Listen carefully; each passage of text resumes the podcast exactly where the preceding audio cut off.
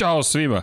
Šalim se malo, ćao svima, dobro nam došli u Lab 76, broj 78, ovo je bilo za Vanjinu dušu da pomisli da zaista nešto ne funkcioniše, ali Vanja ne zameri, samo je raspoloženje na nivou. Nove majice, majice su stigle, iako su crvene boje prošlog puta pobedile i izglasali su za svi koji su glasali za Pavla i mene crvene majice, pre svega želim dobrodošlicu, dobrodošli izdanje posvećeno Moto Grand Prix, ne zamerite što smo ga kasno zakazali, ali kao i uvek čudno je i zabavno i zanimljivo studiju na kraju univerzuma, večerašnje izdanje, čekali smo da se završe testiranja, pa hoćemo stići, nećemo stići, zašto? Večerac je specijal koji se emituje iz ovog studija, ali ne naš, ob, ne ob, naše kolege, Igor Brakus i Smiljan Banjac će od 22 časa zabavljati celu planetu na obneob.rs, da ih malo izreklamiramo, a mi ćemo s toga imati jedan od najkraćih izdanja Lab 76, trajećemo manje od 4 časa ovoga puta i Sa moje desne strane, ja moram pre nego što ga najavim, moram nešto da učinim i ne zamerite što će malo kadar možda duže da traje, ali Vanja, šaljem ti nešto kroz Slack. Zašto? Zato što da bismo prikazali ovog čoveka sa desne strane, mi moramo da se dotaknemo Čega? Pa moramo da se dotaknemo današnjih zbivanja koje ne veze sa Moto Grand Prix. Inače u Moto Grand Prix prvi testovi su završeni. Jack Miller u crvenim bojama je srušio rekord staze u Kataru. Losaili je video najbrži krug ikada na Moto Grand Prix motociklu. Međutim, ono što se iz naše perspektive takođe zanimljivo desilo i što moramo da napomenemo jeste da je ekipa Ferrarija predstavila svoj bolid i zašto krećemo od ekipe Ferrarija? Pa da krenemo od toga što je Dejan Potkonjak, moj dragi prijatelj i kolega sa desne strane, ne samo večera sa nama kao i uvek, ti, ti si ovde domaćin, već smo dobili šta? Vidjet ćete uskoro u kadru, možemo da vidimo Dejana Vanja, molim te, i ne zamerite što odgovočim, Cele, crvena majica oskrnavljena zelenom bojicom Lab 76, pozdrav svim navijačima Ferrarija, oni koji ne znaju, vidjet ćete kako izgleda novi Ferrari, ja moram da krenem od toga, iako su bili prvi testovi na dva točka, iako je ovo početak sezone, iako su ovo prvi testovi u Formula 1 u Moto Grand Prix, deki, kako si mogao to da uči da... Kako su oni mogli? Čekaj, zeleni, lepi 76 je uzeo. Obratite pažnju, Mission Vino, za onih koji nisu videli, ja ne volim da govorim lepota i u oku posmatrača, ali meni ovo izgleda pogrešno, teki, ne znam kako te, izgleda mi kao hroma key, kao da tek treba neko da stavi neku boju na ovaj dvostruki kad smo bili klinci, kad se na onaj, onaj klasičan Malboro, kad se pojavila ona verzija Malboro Mental, pa izgledalo trafika, ma kao da od sunca, znaš, ono stajala je, pa izgledala, se izgleda, pa izgleda. izgubila boju, da. Ok. Tako da možda možemo očekujemo nešto tako slično. Možda je to razlog, vidjet ćemo. Vidi, ako očekuješ još jednu majicu, morat ćeš da je kupiš, odeš na store.infinitylighthouse.com i tako, naravno. podržite celu ekipu, ali da krenemo iz početka, ljudi, Moto Grand Prix motocikli su izašli na stazu, evo, bukvalno pre sat i 26 minuta je završen prvi test i Uh, odakle da krenemo? Da krenemo mi od Jacka Millera, ipak to mora da bude prva stavka. Obori čovek rekord na fabričkom Ducatiju, podsjećanje radi, Jack Miller, australijski vozač, čovek koji je prošle godine bio par navrata nadomak pobede za pramak Ducati ove godine u fabričkoj ekipi zajedno sa Franceskom Pekom Banjajom i njih dvojica će predstavljati Ducatijevce, ekipu iz Bolonje do kraja sezone. Deki, znamo da je predsezonsko testiranje tek, ali opet.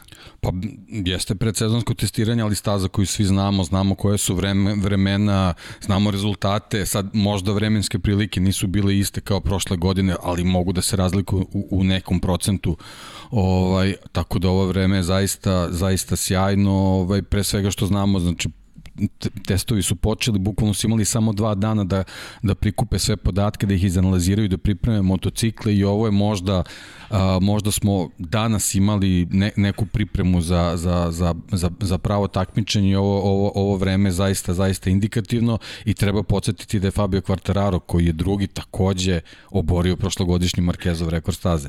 Tako da ovaj početak stvarno obećava. Obećava. Čisto da podsjetimo, prošle godine smo završili testiranja u Kataru pre nego što je otkazana trka, tako da smo imali rezultate. Maverick Vinales je bio prilično dobar, 24. februar je to bio pitanje 1.53 858 je vozio, tog trećeg dana, to su ti zvanični testovi čuveni u Kataru, imali smo testove međutim i u Sepangu, svašta se događalo. I nekako dolazimo sada nazad na stazu koju, kao što si rekao, dobro poznajemo, ali koju, na koju nismo imali trku prošle godine, nemoj ni to da zaboravimo. I ok, da vidimo zaista ko se pripremio i na koji način se pripremio, pogledamo i kažemo ok, gde smo. Pol pozicija 1.53, 5.46 pre dve godine i mi sada gledamo Jacka Millera 1.53, 1.83. Fantastično, a da bude sve najlepše, još lepše, kao što si rekao, kvartararu u jednoj desetinki. Jedna desetinka samo, to je, to je fenomenalno, ovaj, ovi ostali, ajde da kažemo donekle zaostaju, ali, ali to nisu sad pravi reperi, to, to nisu onako baš takmičarske vremena, zato što jednostavno ne znamo ko, je, ko ima motocikl sa, sa kakvim izmenama, da li, da, li je, da li se tu još nešto i probalo, ali stvarno mi je indikativno da, da imamo ovako dobro vreme. I hoćemo još, naravno da hoćemo da. još. Maverick Vinjale su tri desetinke, malo više od toga. Joan Zarko, pozicija broj 4 na fabričkom Ducatiju za ekipu Pramaka. Međutim, međutim, na poziciji broj 5 možda i najveće iznenađenje. Fabrička Honda u rukama Pola Espargara koji je tek debitovao pre dva dana na toj Honda. I koji ozbiljno radi, mislim, bar on, on, ono koliko smo mogli da vidimo, on, on stvarno se trudi, ne silazi sa, sa motocikli, motocikli, ima vozača koji više ovaj, krugova prolaze od njega, ali, ali stvarno je, stvarno je odličan. Svako, svakoga dana je bio u samom vrhu, bez obzira kakva su vremena bila mislim da možemo biti veoma absolut, zadovoljni onim što, što, što je prikazao absolut. Pole Spargaro.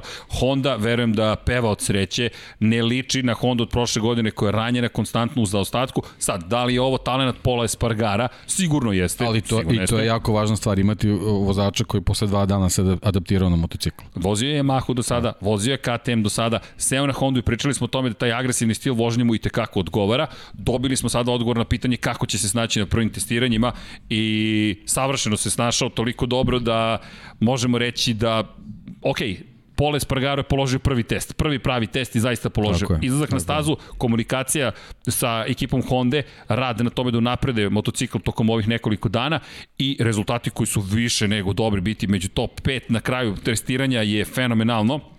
Aleš Espargaro, međutim na poziciji broj 6 ići ćemo jedno po jedno, prosto šta smo sve videli tokom ovih nekoliko dana, ludo i brzo je na novoj apriliji, pozicija broj 6, ispred svetskog šampiona Joana Mira i njegovog klubskog kolege na drugom Suzuki Aleksa Rinsa zaokružili su vodećih 10 Banjaja i Takaki Nakagami koji takođe ove godine ima najnoviju verziju Honda. Da, baš imamo dobar miks, ovde mi jedino nedostaje KTM. To sam hteo da ti kažem. Nema ih u tih 10, ali stvarno, mislim, ovo nisu vremena koje baš trebaju sve da nam pokažu i sve otkriju, ali ovaj vidi se, vidi se da su razlike velike. Mi već kod kod desetog imamo sekundu za ostatke, siguran sam da, da, da tako neće biti, ali jako važno da su svi tu, da, da su svi vozili puno krugova i to je ono što je u ovom trenutku najvažnije.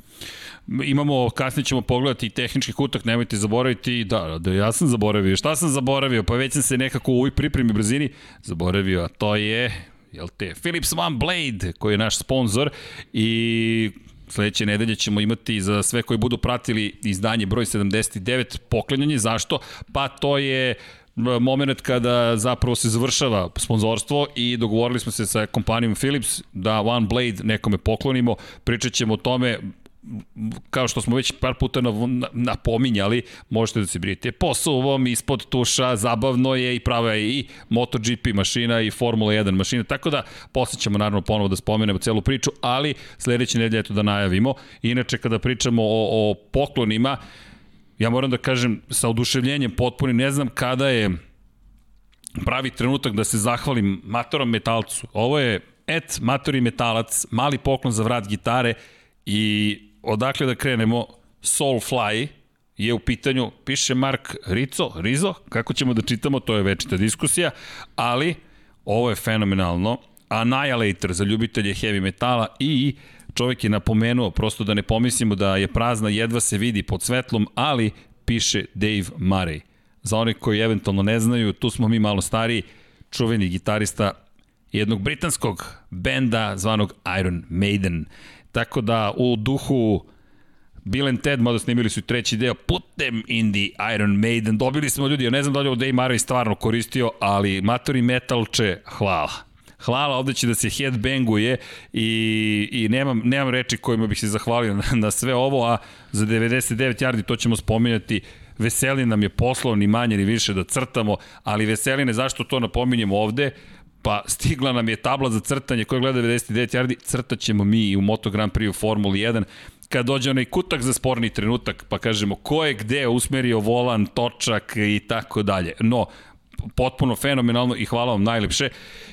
vratit ćemo se naravno mi na tehnički kutak nešto kasnije, ali za sada, ajde da krenemo od emocije, kako se osjećaš danas? Ja nekako imam osjećaj kao da je sezona već bukvalno počela. Pa, bukvalno posle ovih rezultata možemo ovaj, to i da kažemo, nekako sve je krenulo mlako, naravno imali smo prvo rukije koji su morali malo da se, da se naviku na, na motocikle, uh, jako je malo vremena bilo i za ostale, tu je dosta proba, testova bilo, nisu ni vremena bila, bila na, na, na tom nekom nivou, onda su ono, što sam već rekao, bukvalno samo su dva dana imali da, da, da, da, da ovaj, svare sve te podatke koji su, koji su dobili u tim prvim krugovima i ja jednostavno iskreno nisam, nisam ni očekivao da će, da će baš danas ovaj, krenuti, mislim, ne može možda, možda da se kaže maksimalno, ali ovo su stvarno sjajne vremena i vidimo da su svi zaista naoštreni da, da u sezonu uđu ovaj, kako treba posebno posebno ovaj, Miller Quartararo, Vinjales, Zarko je stvarno bio vredan, baš je,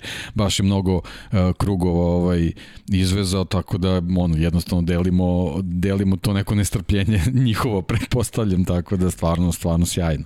E, da, ja jutro se razmišljam, završava se danas test.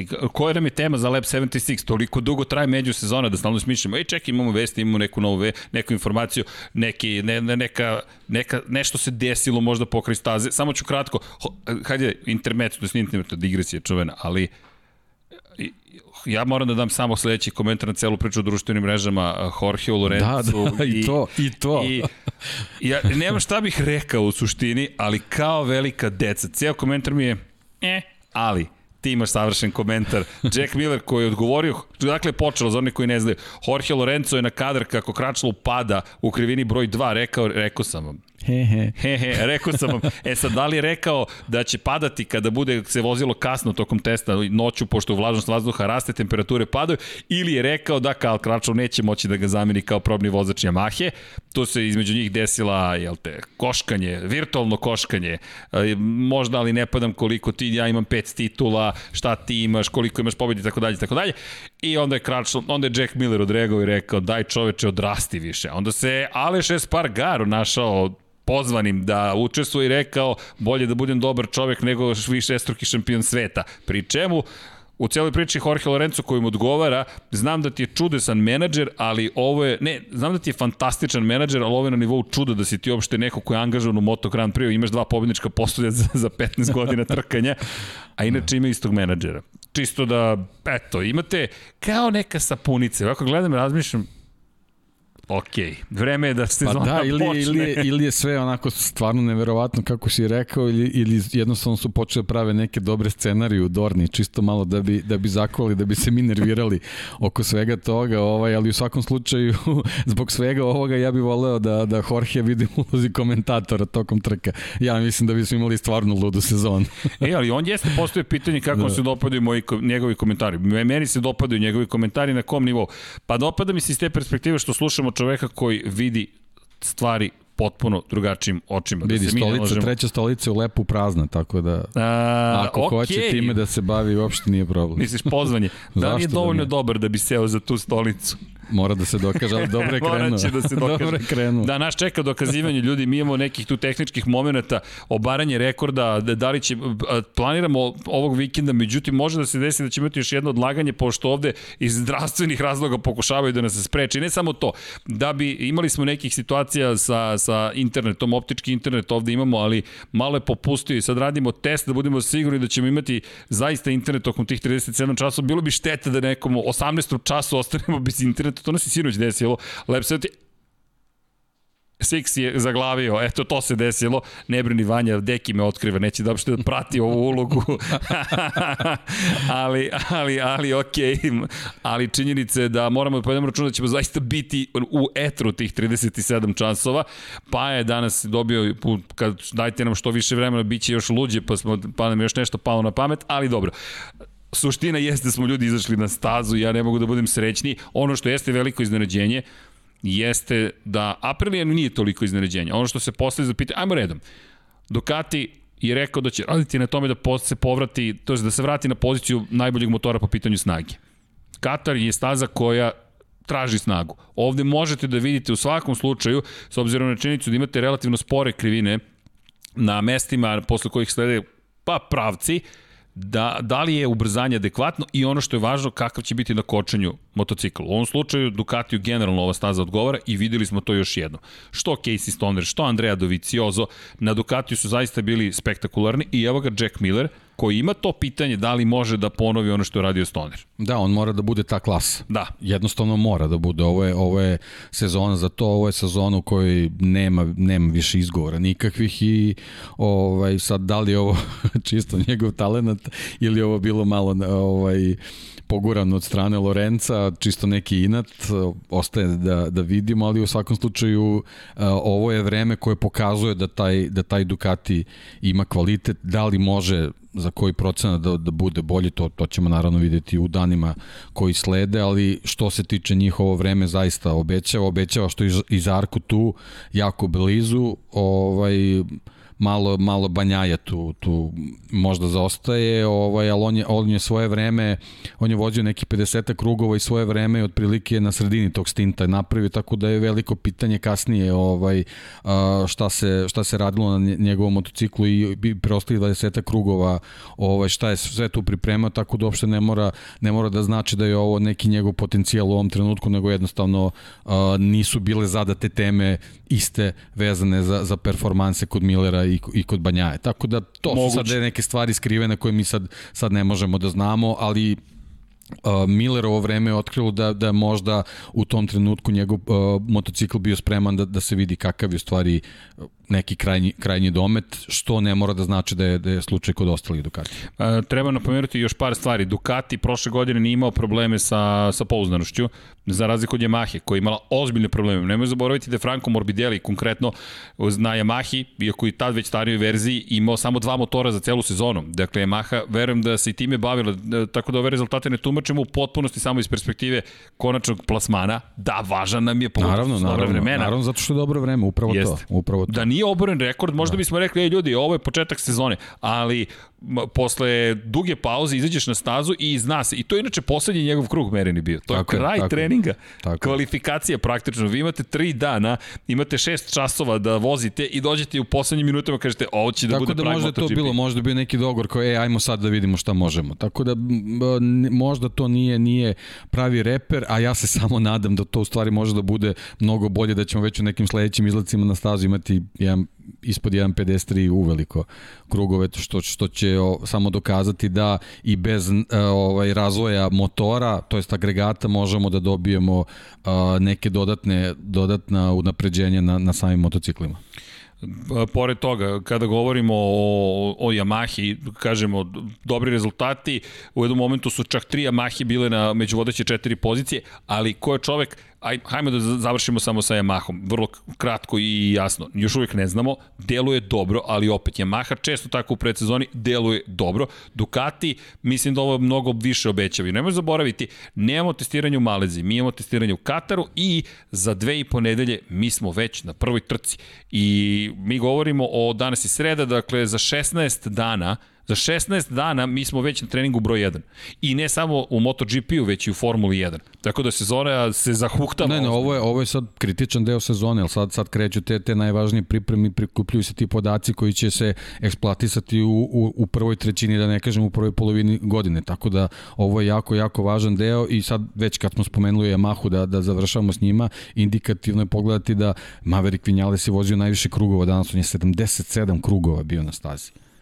To, to je, dokazuje njegovu posvećenost i koliko je Yamaha ozbiljno shvatila ovaj, ovaj period godine. Čovek se oženio, nemojmo zaboraviti, da. Maverick Vinales je bio vredan u međusezoni. Poslednji put kada sećam da smo pričali o nečiji svadbi pred sezonu, bilo je 2006-2007 godine kada se Casey Stoner oženio i usvojio titulu te godine. Ok, ne znam da li to je adekvatno poređenje, ali mi delo je da govori o stabilnosti. To je bilo iznenađenje, inače Maverick Vinales je prilično zatvoren po pitanju privatnog života, što je ok, to je njegov privatni život, ali se desilo da nekako deluje stabilnije zahvaljujući tome, makar je to neki signal koji mi dobijemo i idemo dalje, Yamaha čeka je puno posla, Honda i sledeća, Pole Spargaro. Da, samo izvini, završimo s Yamahom vezano za test vozače, pošto... Da, ovaj, to sam zaboravio. Kal Karačlov, Kal Karačlov i, i dvojica, dvojica Japanaca, ne mogu u ovom trenutku sad njihove imena ovaj, da, da napamet kažem. A, momci voze, a, a, imaju Yamahu A specifikacije, imaju fabričku specifikaciju za 2020. i 2021. Jeste. Znači Yamaha ozbiljno testira sve varijante zbog svega onoga šta im se dešavalo prošle godine.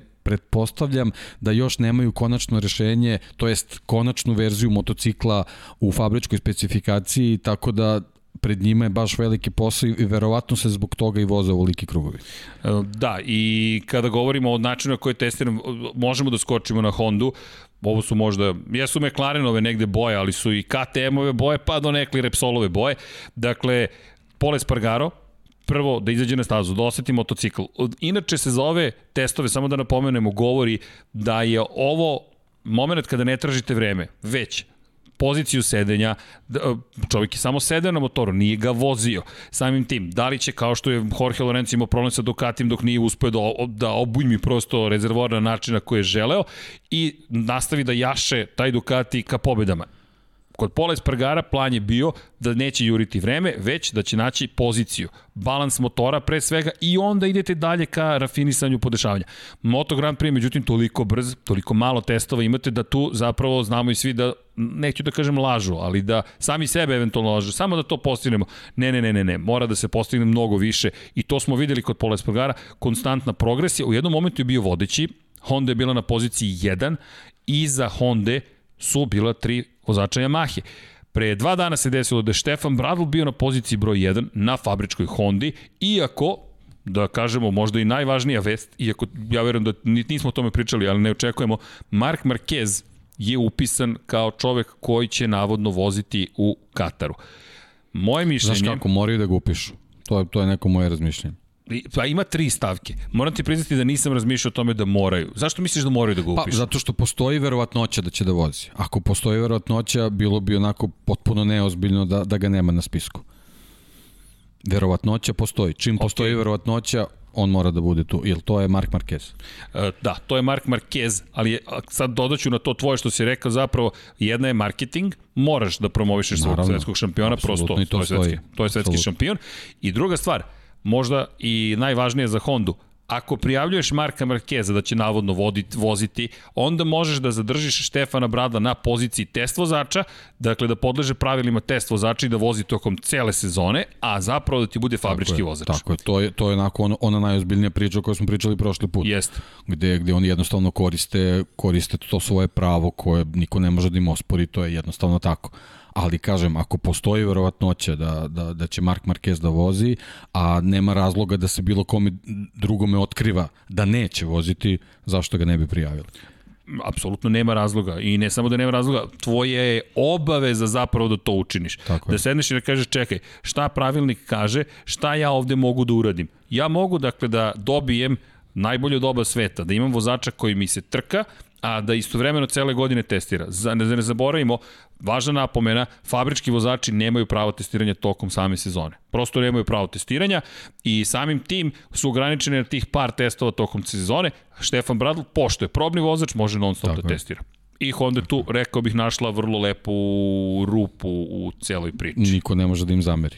To, ne, je, to je jednostavno tako. To je tako. I da. Honda deluje kao da može da bude veoma zadovoljna da je, i mi vidjet ćemo posle šta je takođe testirano, super u predsezoni, ne stignu da ofarbaju delove, sveže iz fabrike stižu delovi, onda sve što je crnog, crnih ugljeničnih vlakana, kažete čekajte da vidimo šta je ovo i još nisu uveli na uz, po uzoru na Red Bull, dakle sakrivanje bojama, već mada i crna vam ne pomaže pošto smanjuje mogućnost da izvučete da. dubinu, ali baš je gospodin Živković sinoć pričao o tome u Lab 76 broj 77, 76, ka, sačuvali smo broj, prevaramo malo i mi. Mi ne, ne, ne, ne mi se snalazimo u pravilniku koji smo tako sami je, napisali, tako, tako da je Sinoć priča o tome da crna boja tu ne pomaže, ne dobijete dovoljno dubine, ali će nama pomoći da zapravo saznamo ko je šta i saznali smo testirao novo i bilo je lepo vidjeti Takaki Nakagami imao nove delove, to je ono što je bilo vrlo, vrlo važno, rekao bih napomenuti. Videli smo dosta novih delova na Ducatiju, videli smo čak i nešto kod Yamahe, međutim Yamaha se više bavila zadnjim krajem i zadnjim viljuškom. No, Honda, rekao bih da možemo da štikliramo veoma dobar test, Yamaha dobar test, Ducati odličan test i dolazimo na Suzuki. Suzuki ima samo dva vozača, svetskog šampiona, Joana Mira, ima pored toga Aleksa Rinsa. Suzuki čeka jedan novi potpuno izazov, nema Davida Brivija i tim zapravo funkcioniše ono što je meni tu, neću da kažem, hajde, zbunjujuće mi je komitetom. Ko pročita knjigu Adriana Njuija, preporučujem toplo jednog od glavnih, jednih od kreatora moderne Formule 1 praktično, dizajnom, aerodinamikom i generalno konceptima koje je primenio, je neko ko je govorio da iz McLarena otišao zato što se upravljalo komitetima i u tako kompleksnoj strukturi donošenje odluka je dosta neefikasno, usporeno.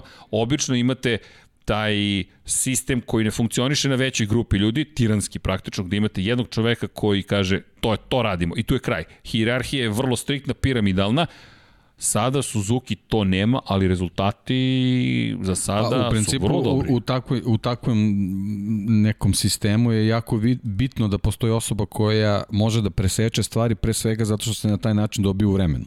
To, efikasan si. To je, to je point. E sad, u ovoj, ovoj situaciji, mislim, sad možemo to da, da, da tumačimo, naravno, samo prema, prema podacima koji imamo. Uh, Suzuki nije nešto specijalno promenio motocikl u odnosu na, na, na verziju od prošle godine. Oni su saopštili da, da generalno žele da rade na, na snazi. Znači, motocikl mora, mora jednostavno da, da, da bude jači. To je nešto što im je nedostajalo prošle godine. Tako da ova vremena koje su recimo ovde prikazana možda mogu da se tumače tumače da oni i dalje a, pokušavaju da, da maksimalno razviju balans na tom motociklu, tako da uopšte ne mora da znači da ove vremena prikazuju neki setup koji je direktno vezan za, za stazu u Kataru može, možemo da imamo to zato što su oni jednostavno na neki način možda i, i ovaj u nekoj, u nekoj najmirnijoj situaciji odnosu na ostale zato što e, nemaju neku groznicu razvoja mnogo komponenti na različitim segmentima motocikla. Tako da, da može da ima i toga, e sad vidjet ćemo u, u nekom periodu, naravno u jednom trenutku i, i taj Suzuki mora da se pojavi sa setupom za Katar, da vidimo u stvari kakav je stvarni potencijal u odnosu na ostalo. Da, zanimljivo inače kada je otišao Brivio, I Šinići Sahara je rekao da će se zapravo sada formirati taj komitet u kojem će njih šest, koliko sam zabrao zapamtio, odlučivati kako napred. Ono što je zanimljivo takođe je rekao da iako deluje da im pomaže to što će se zapravo sprečiti ozbiljni razvoj motocikala, to ne znači da ga neće biti ili da iz perspektive onoga što će se promeniti, to neće doneti ozbiljne rezultate, jer možda te inkrementalne male promere donesu ozbiljne korake.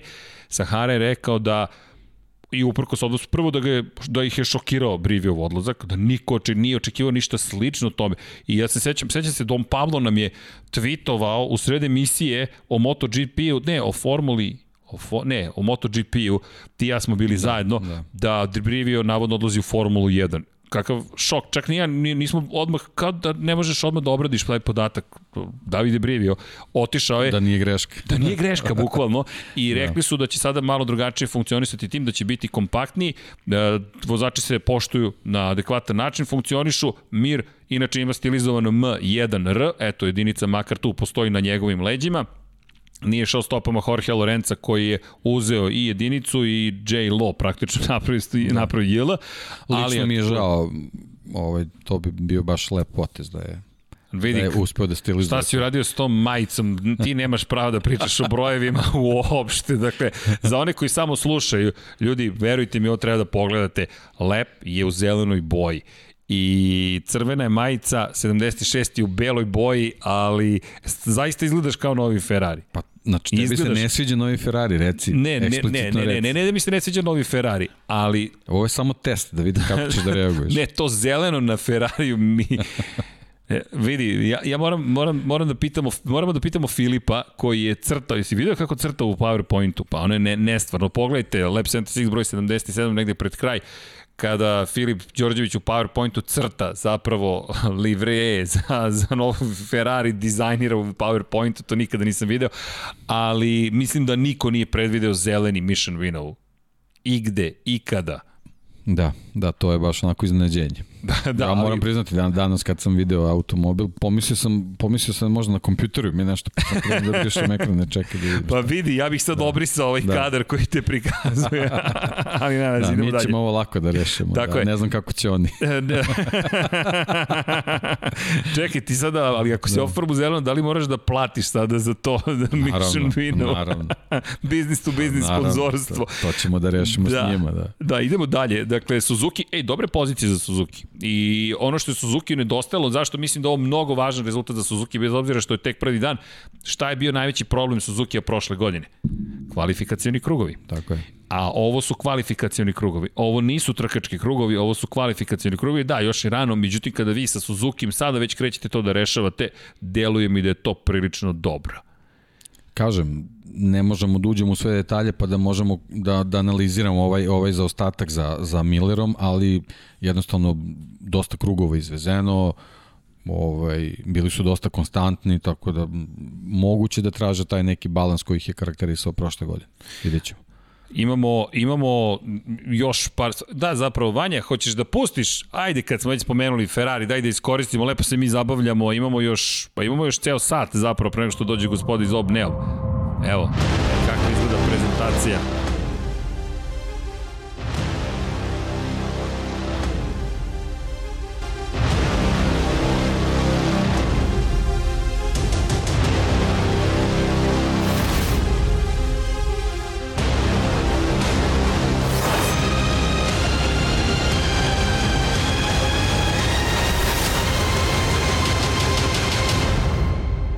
Ci siamo e adesso è il momento di svelare a tutti voi la SF21.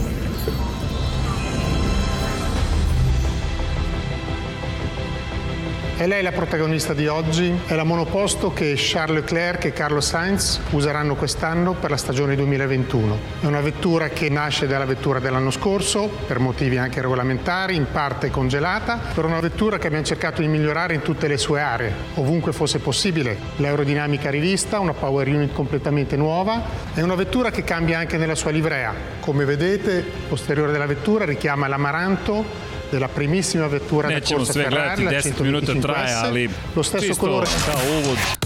E to Vanja, evo ga, sve je zeleno.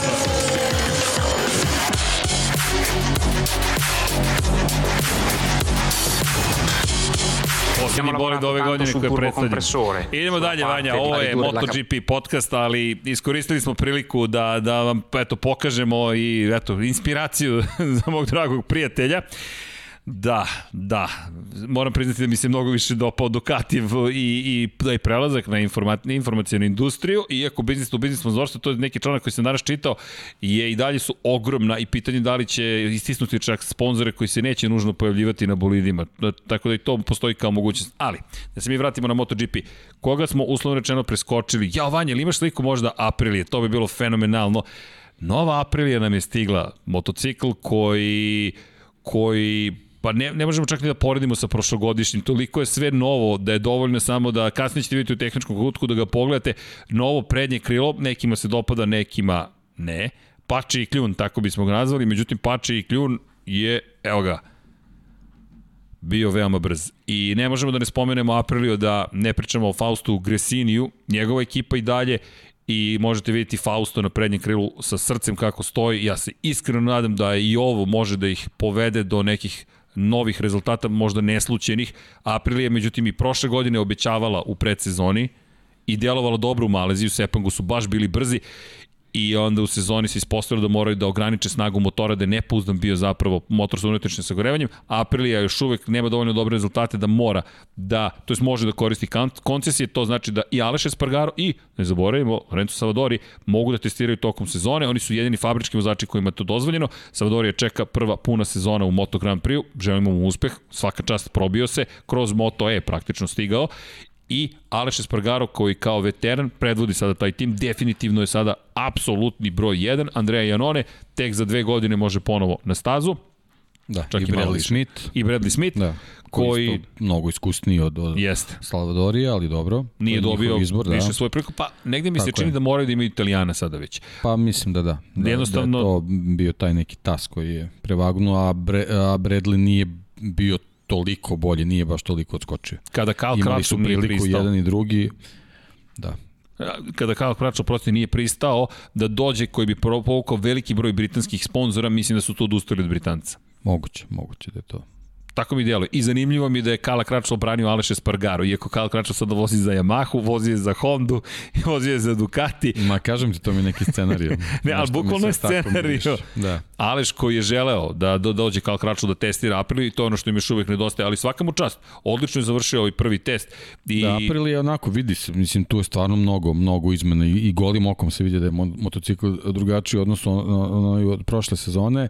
Meni je onako malo, malo iz profila kad se pogleda malo mi neskladno to, to, to deluje u odnosu na, na, na, na ostale. Motocikle, ali eto po vremenima to, to ne mora ništa da znači. Ono što si rekao njima je ono ključno da jednostavno čitave sezone mogu da, da testiraju i da razvijaju. I vidjet ćemo dokle, dokle mogu da, da, da stignu. Naravno, nama je potrebna još jedna marka da bude konkurentna u vrhu, naravno ne mogu, ne mogu svi, ali eto držimo im palčeve da, da će uspeti to da urade. Nažalost, eto, ostali su bez, bez uh, Gresinija koji stvarno ovaj, vukao čitavu priču sigurno imao, imao neku dobru ideju kako da, da, da se to, ta priča zaokruže, ali eto, nažalost, moramo da, da krenemo nekim drugim pravcem, pa ćemo videti. Da, nas moram, evo priznam, sad proveravam još jednom zapravo da, da li da li smo propustili nešto kada je reč o samoj Apriliji, međutim Aprilija nemamo šta da propustimo, jednostavno nije ostvarila ni jedan rezultat koji je dostojan onoga što ta, takva robna marka zaslužuje. Ako se vratimo na neke od istorijskih Lab 76 koje smo imali, to je obrađivanje neke istorijske priče, mi govorimo o tome da Aprilia u nižim kategorijama stvarila mnogo toga, osvajala titule, borila se za titule, dominirala u jednom periodu kategorijama 250 kubika, nemaju Moto Grand i Piaggio grupacija deluje da je najzad stala iza tog projekta, Massimo Rivola je bio prvi potez, ovo je katastrofa iz perspektive ljudski, katastrofa da izgubiti Fausta Gresinija, udarac veliki, vidjet ćemo sada da li će April na neki način se zapravo usisati, preuzeti praktično tim Fausta Gresinija, ali ok, to je neka da, druga to priča. je sad, da, nešto što remeti vidjet ćemo, ali eto, ako, ako nešto može u ovom trenutku da im bude vetar u leđa, to je to što se direktno nalaze ispred šampionskog motocikla i ispred šampiona na, na završetku današnjih testova, pa vidjet ćemo gde to može da odvede. Da, ajde kada prič, pričamo o istoriji, da bacimo pogled na, na, na, na, na, zapravo spomenuli smo ga sada, Jack Miller, Yamaha, izašao je kao probni vozač mislim da, ha, Vanja, Vanja Munja, pogledajte kako dobro izgleda ova Yamaha kako dobro izgleda Yamaha. Hvala Moto Grand Prix za, za fotografije. Dobili smo to još davno dozvolu da koristimo. 60. godina takmičenja u svetskom prvenstvu kada je reč o Grand Prix kategorijama. Karl Crutchlow je vozio u ovim bojama i moram priznati da kada god bilo je Maha, bilo, koji, bilo drugi motocikl se spremi, ali nekako Maha je postala ekspert za ove istorijske boje i bolje to iskoristi od Honda. Honda i kada ima jubilej, nekako to prođe gotovo neobaženo. Čak i Jim Redman kad se pojavi, kao da se ništa nije desilo. Nekako ne da, kao da nemaju priliku. svoje boje koje su onako prepoznatljive Yamaha sa ovim, sa ovim crveno-belo-crnom kombinacijom. Pa žuto Meni posebno fascinira Kalov kombinezon ovde, zaista izgleda retro, motocikl malo s ovim aerodinamičkim dodacima malo, malo remeti tu, tu čitavu kombinaciju, ali, ali ovako u ovoj nekoj zajedničkoj priči stvarno, stvarno super izgledaju i upravo je ovaj jubilej nešto što nas i podsjeća. Yamaha je tu 60 godina i stvarno nam je potrebno da, da, da ponovo bude u vrhu i da, da, da vozači budu konkurentni da se u svakom trenutku bore za titulu. Pa kada pričamo o ovim bojama, ovo su boje koje nije nužno da prvi put viđamo, svakih 10 godina se pojave. da. Ono što je meni zanimljivo, poslednji put kada su imali Ben Spies je bio tu i nemojmo zaboraviti, Jorge Lorenzo je nosio broj 1 na svom motociklu za tu godišnjicu kada su 2010. osvojio prvu titulu i to je taj broj 1 stilizovani JL, ali eto, lepo je vidjeti da, da, da se na taj način obeleža i moram priznati da slažem se s tobom, ako možemo Vanje još jedno samo da bacimo pogled, moram priznati da meni ovo izgleda mnogo lepo, manje nekako sponzora, više se vidi motocikl, lepo su uskladili ovo prednje krilo, to prednje krilo koje obično onako štrči, nekako rogobatno izgleda, sada je usklađeno baš kako treba. Tako da, da i ovaj neki, da nazovem stari standard s ovim krugom i, i brojem u krugu, onako upečatljivo izgleda stvarno. Nisi zadovoljen? Da, da, da, ovo je, ovo je super, ovo je super. Meni deluje da. kao da, kao da su se svi zapravo spremili ove godine. Meni, to, meni je to utisak da su se svi bukvalno pripremili za sezonu i da je ovo onaj pravi početak koji smo toliko nestrpljivo čekali. Okej, okay, Pokrili smo nekoliko proizvođača, stigli smo do Suzuki-a i do toga da je Suzuki zapravo završio na jednom vrlo pristojnom mestu, top 10, to je odlično. Francesco Banja je deveti i Takaki Nakagami na desetoj poziciji. Ono što je malo problematično sa ovim je što u jednoj sekundi ovih 10 vozača, znamo da je jedna sekunda sada postala merilo u kojoj se nađe 16, 17, 18 takmičara. Pa da, upravo to što, sam, što smo malo pripričali, jednostavno mi ne možemo u ovom trenutku da znamo kakav je raspored testiranja bio, tako da uopšte ne mora da znači da su svi ovi vozači na, na istim nekim maksimalnim setupovima, tako da i, i ta vremena ne možemo da uzmemo zdravo za gotovo. Da, i nemojte zaboraviti, voženi su i testuju Moto2 i Moto3 kategorijama i time ćemo se pozabaviti, ali prosto kada se završi prvi test Moto Grand Prix klase, držimo se Moto Grand Prix klase. Inače, kada već spominjem dalje testiranja Banjaju i Nakagami moramo da istaknemo. Banjaju je ovo velika godina, veliki ispit. Mnogo ljudi sumnja da tim Miller Banjaje može da bude šampionski tim. Moram priznati da sam takođe onaj od skeptičnijih zapravo. Verujem da će Miller biti često na pobedničkom postolju. Brine me da li može da dođe do pobeda. Ne jedne, već do pobeda, a za Banjaju da li uopšte može da bude konstantan tokom cele sezone. Tako da ovo ogroman test za Francesca Banjaju i videli smo prošle godine da nije baš naj jači po tom pitanju. Pa dobro i povreda ga je malo sputala prošle godine, ako, ako nešto možemo da, da kažemo u njegovu korist, ali nažalost eto na toj trci u Mizanu čini mi se je pokazao da, da ovaj, mora malo da, da na toj nekoj psihologiji poradi i kao što se spomenuo i taka isto vezano, vezano za svoju vožnju na, na samom vrhu jednostavno to mora da bude mnogo, mnogo bolje. A što se tiče Millera, mislim da smo to baš u prošlom ili pretprošlom podcastu rekli za, za, za njega ja mislim da je zaista jako, jako važno da, da što pre dođe do, do te pobede.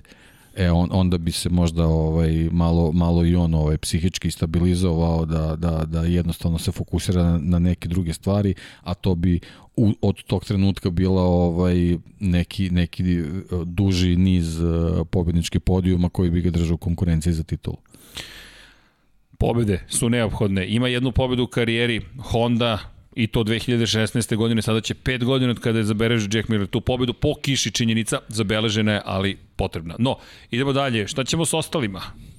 Pa, ovaj, mislim, spominjali smo Yamahu, jednostavno moramo moramo vice šampiona da spomenemo i čoveka koji je s njim u ekipi. Pa i najavili nas, smo ga kao potencijalnog šampiona. Petro nas je tu, tu ono, pod velikom, velikom lupom, tako da ovaj, tu, tu moramo da vidimo i da vidimo šta se dešava i evo i ovi rezultati pokazuju Morbidelli na motociklu koji je malte ne dve godine stari 11. Znači, čovek koji zaista ni u jednom trenutku ne treba da bude ovaj za podzenjivanje, posebno što njegov, njegova motivacija ni u jednom trenutku nije dolazila u pitanje nikad. Tako da, da, da verujem da, da je tako i u ovom trenutku. E sad, šta, šta Yamaha može da mu ponudi u odnosu na ostale, to ćemo naravno tek moći da vidimo kad, kad krene sezone, kad svi budu onako jedan na jedan. KTM? KTM... Kad sam već u bojama teh 3 KTM-a... Pa da, ja sam generalno, eto, gledajući ove ostale možda novim testiranjima vezano konkretno za ove današnje rezultate, možda očekivam malo, malo bolje i, i, i da budu ovaj na nekoj boljoj poziciji, ali kažem, eto i tu je sad jako važno uh, šta je današnji dan, ovaj, zašto je današnji dan služio KTM-u. Tako da i to je ta neka ovaj, ta neka zadrška, nadam se da, da je zaista tako da, da, da tu sad ne postoji neki kiks, jer ne vidim, ne vidim razlog zašto bi odjednom bili na nekim nižim pozicijama, ali verujem da, da ima dosta toga vezanog za, za testiranje. Da, i to je ono što smo napomenuli već, ovo su kvalifikacije nekako pred kraj, opet, da nije oboren rekord, pitanje da li bismo ovoliko tumačili, ali treba vidjeti, na što bih se osvrnuo, na plasman negde na polovini dana, kada su vremena bila malo drugačija. Opet, teško je ovo porediti, ali Pola Espargaro u tom momentu na poziciji broj 1. Fabio Quartararo pozicija broj 2, Franco Morbidelli pozicija broj 3, Maverick Vinales pozicija broj 4, to je ono što smo spomenuli malo pre. Štefan Bradl na poziciji broj 5, dakle još jedna Honda je tu, kao da se vraćamo u vreme kada su Honda i Yamaha tukle se i vodile svoju bitku i naravno Ducati koji je na poziciji 6, Jack Miller opet. Dakle, ako pričamo o krugovima za trku, tu je Aleš Espargaro, opet je tu na Aprili I ko je na poziciji broj 8? Valentino Rossi. Dakle, i četvrta Yamaha je među 10 najbržih, Joan Zarko, Ducati ponovo, Francesco Banjaje. Prosto čini mi se da KTM čeka malo drugačija sezona, iako, kao da, što moguće, si rekao, moguće. testovi, mislim da će naučiti kako izgleda i kada njima sada neko uzima ljude i otkuplja ljude od njih i kako izgleda kada ostali kažu, hej, hej, čekaj, Vi ste i dalje novi u ovoj Jest, igri. I treba, mislim, možda je, možda je jako važan detalj, ovaj, to što su, upravo to što si pročitao, ovaj, vremenski uslovi u tim trenucima su bili mnogo drugačiji nego kasnije. Ovaj, tako da, da moguće da, da se motocikli različito ponašaju i, i, i na topliju i na hladnijoj stazi i kad je asfalt topo ili hladniji to, to su sve neki elementi koji mogu u Kataru da se, da se isprobaju. Bacit ćemo pogled i na tehnički kutak malo kasnije, kada je reč o privatnim timovima, očekivanja su nam ozbiljna od Novajlija, prvoga dana su nas oduševili, samo da napomenemo, Novajliju su imali dan više. Novajli i probni vozači su imali dan više, da se vratimo na, na trenutak, oprostiti priču o Štefanu Bradl. Bradl je testirao četiri dana, jer je probni vozač. Ali Luka Marini, prvo iskustvo na Ducatiju, to je na Moto Grand Prix mašini, Mene je Bastianini, svetski šampion iz Moto2 kategorije prošlogodišnji, prvo iskustvo na Ducatiju i na Moto Grand Prix motociklu generalno. Jorge Martin, prvo iskustvo na Ducatiju i Moto Grand Prix generalno, ali za razliku od prve dvojice spomenutih koji su na dve godine starim motorima, Jorge Martin je na potpuno novom Ducatiju i tog prvog dana, zapravo drugog dana za njih, prvog za ostale vozače, držali su se rame uz rame sa svima, mene su fascinirali njihove izjave. Jorge Martin koji je rekao dan ranije, čekam test da bih mogao da pratim nekoga da unapredim svoje putanje i rekao je na kraju nisam nikoga uspeo da pratim, ali sam zadovoljan konstantnim napretkom. Deki, oni su bili zaista brzi za, za Novajlije koji su se tek pojavile, Tako je, je sjajno. Zna se prvi dan je za njih bio neki, neki shakedown, ono što se spomenuo, znači treba podesiti sedište, treba podesiti, podesiti rezervoar poziciju za, za, za upravljačem, osetiti tačke kočenja, osetiti generalno kočenje Moto Grand Prix motocikla, mislim, oni su imali milion nekih stvari uh, uh, sa nekim stvarima da se bave kojima se generalno, kad je, kad je normalno vreme, takvi vozači bave u novembru. znači, posle Valencije ti sedneš, probaš da znaš šta te čeka, a kad dođu testovi, to je onda od prvog dana krećeš sa, sa, sa tim uh, probama koji imaju i ostali, tako da super, mislim, baš mi je drago, ovaj le, lep napredak su ovaj ostvarili, tako da evo i ova vremena pokazuju da, da, da ono, dobro se snalaze. Meni je super što mi imamo da. konkretno nečemu da pričamo. Da. Vidim i neka pitanja, apropo Petrućija, koliki je u odnosu na KTM-ov motocikl. Pa, Danilo... Pa dobro, on generalno ima i taj neki, neki stil. ovaj stil. Jeste. On je i na Ducatiju malo onako čudno izgledao, ovaj, ali on, vidjet ćemo. Mislim, jako je važno da mu legne taj motocikl, to nije isto stvar koju treba zanemariti, tako da vidjet ćemo. Da, i samo bih napomenuo Petrući koji je, hajde da iskoristim kada sam već spomenuo, Petrući koji je rekao, trebalo bi da zahvalim Gigi Dalinji, to je Luigi Gigi Dalinji, što me otpustio, sada sam na pobedničkom motociklu, malo ipak da se da se uzvrati pažnja prethodnoj ekipi, međutim mislim da ga čeka opet puno posla. Dani Pedrosa je inače bio prisutan u pustinji, dakle vozili su, videli smo i nova svetla, to moramo da napomenemo, nova svetla u Kataru, LED diode su postavljene, rekli su da bi možda čak moglo, mogli da koriste vozači i zatamljene vizire. Moram ti priznati da mi je žao. Volim providne vizire, da se vide oči, da vidimo... Da, vidi se koncentracije. Da. Mnogo je lep taj kadar kada možeš da pratiš oči vozača tokom noći, a sve ostalo, kočnice gore, bukvalno gore kočnice, a ti dobiješ jedan sad ovako zatvoren sistem koji smo već navikli da gledamo. Mada ko zna, možda će izgledati još nekako zastraš, više, više opasnije zapravo sa tim da nema zapravo mogućnosti da se vidi njihove oči u pola noći. Pa znaš kako, to, to mi onako nekako zvuči da, da, da su ranije morali da koristite otvorene vizire zato što jednostavno vidljivost nije bila dovoljno dobra. Da. To je onda ovako, ako već, već postoji opcija da, da se koriste zatamljeni viziri, znači da, da će za njih nekako ta vožnja moći da bude optimalnija, što je nama pre svega bitno zbog, zbog trkanja, naravno, ako, je, ako to zbog njihove bezbednosti, ok, puno, zašto da ne, da. Puno noviteta, da, inače da, kada da. spomenjemo kočnice koje onako gore u noći, naranđaste, da isto to gore, bukvalno kočnice, od ugljeničnih su vlakana, to je za Novajli još jedna bitna stvar, učili su kako da koče sa kočnicama od ugljeničnih vlakana, to je potpuno drugi... Pričali su i Jorge Martin Jeste. i Luka Marini, baš su se dotakli kočnica, ovaj, kako, kako to sve nestavno deluje. Da, čak i za njih koji su se trkali, vozili, pobeđivali, osvajali titule, to je osvojio titule ne Bastianini, dođu u situaciju da kažu wow, wow, bukvalno, to je taj skok zašto je Moto Grand Prix Formula 1 na dva točka, kao što iz niže kategorije da kada dođu momci i sednu u Formula 1 i onda im padne glava. To je Sebastian Vettel pričao, sad da ne udarim u mikrofon, bukvalno prvi put kada je u, Ferra, u ne u Ferrari, oprostite, kada je ušao u BMW, to je Williams, to je kada je prvi put testirao, kaže, pa ako mi je pala glava, bukvalno nisam mogao, imao snage u vratu da držim glavu, e, slično je sa Moto Grand Prix, tako da za njih to još jedan dodatni dodatni test, ali da, lepo je, lepo je bilo vidjeti. Da, i to je, i to je isto važan e, detalj ako se vratimo na priču o Marku Markezu, zašto je bitno da, da, da bude potpuno spreman kad, kad se ponovo vrati na, na, na Moto Grand Prix motocikl, zato što će, što će bukvalno i on od početka mora, morati da se ovaj privikava na, na čitavu situaciju, će taj motocikl biti drugačiji od, od onog na, na kojem je sedeo poslednji put. Ba, a, i bilo je, ima, ima i pitanja opet o Markezu. Zašto ja ne vidim da će Markez se pojati? Ljudi, nije seo na motocikl bilo koji. To je ono što Deki stalno napominje. Da. Skoro celu godinu. Sada je to već nije godina preterujem, ali 9 meseci praktično. 9 da. meseci. Nije bitno koliko je bio do tada brz, koliko je talentovan, koliko je sposoban Ajmo da postavimo prvo pitanje snage. Ti nemaš adekvatan trening za Moto Grand Prix motocikl, osim da sedneš i da voziš motocross.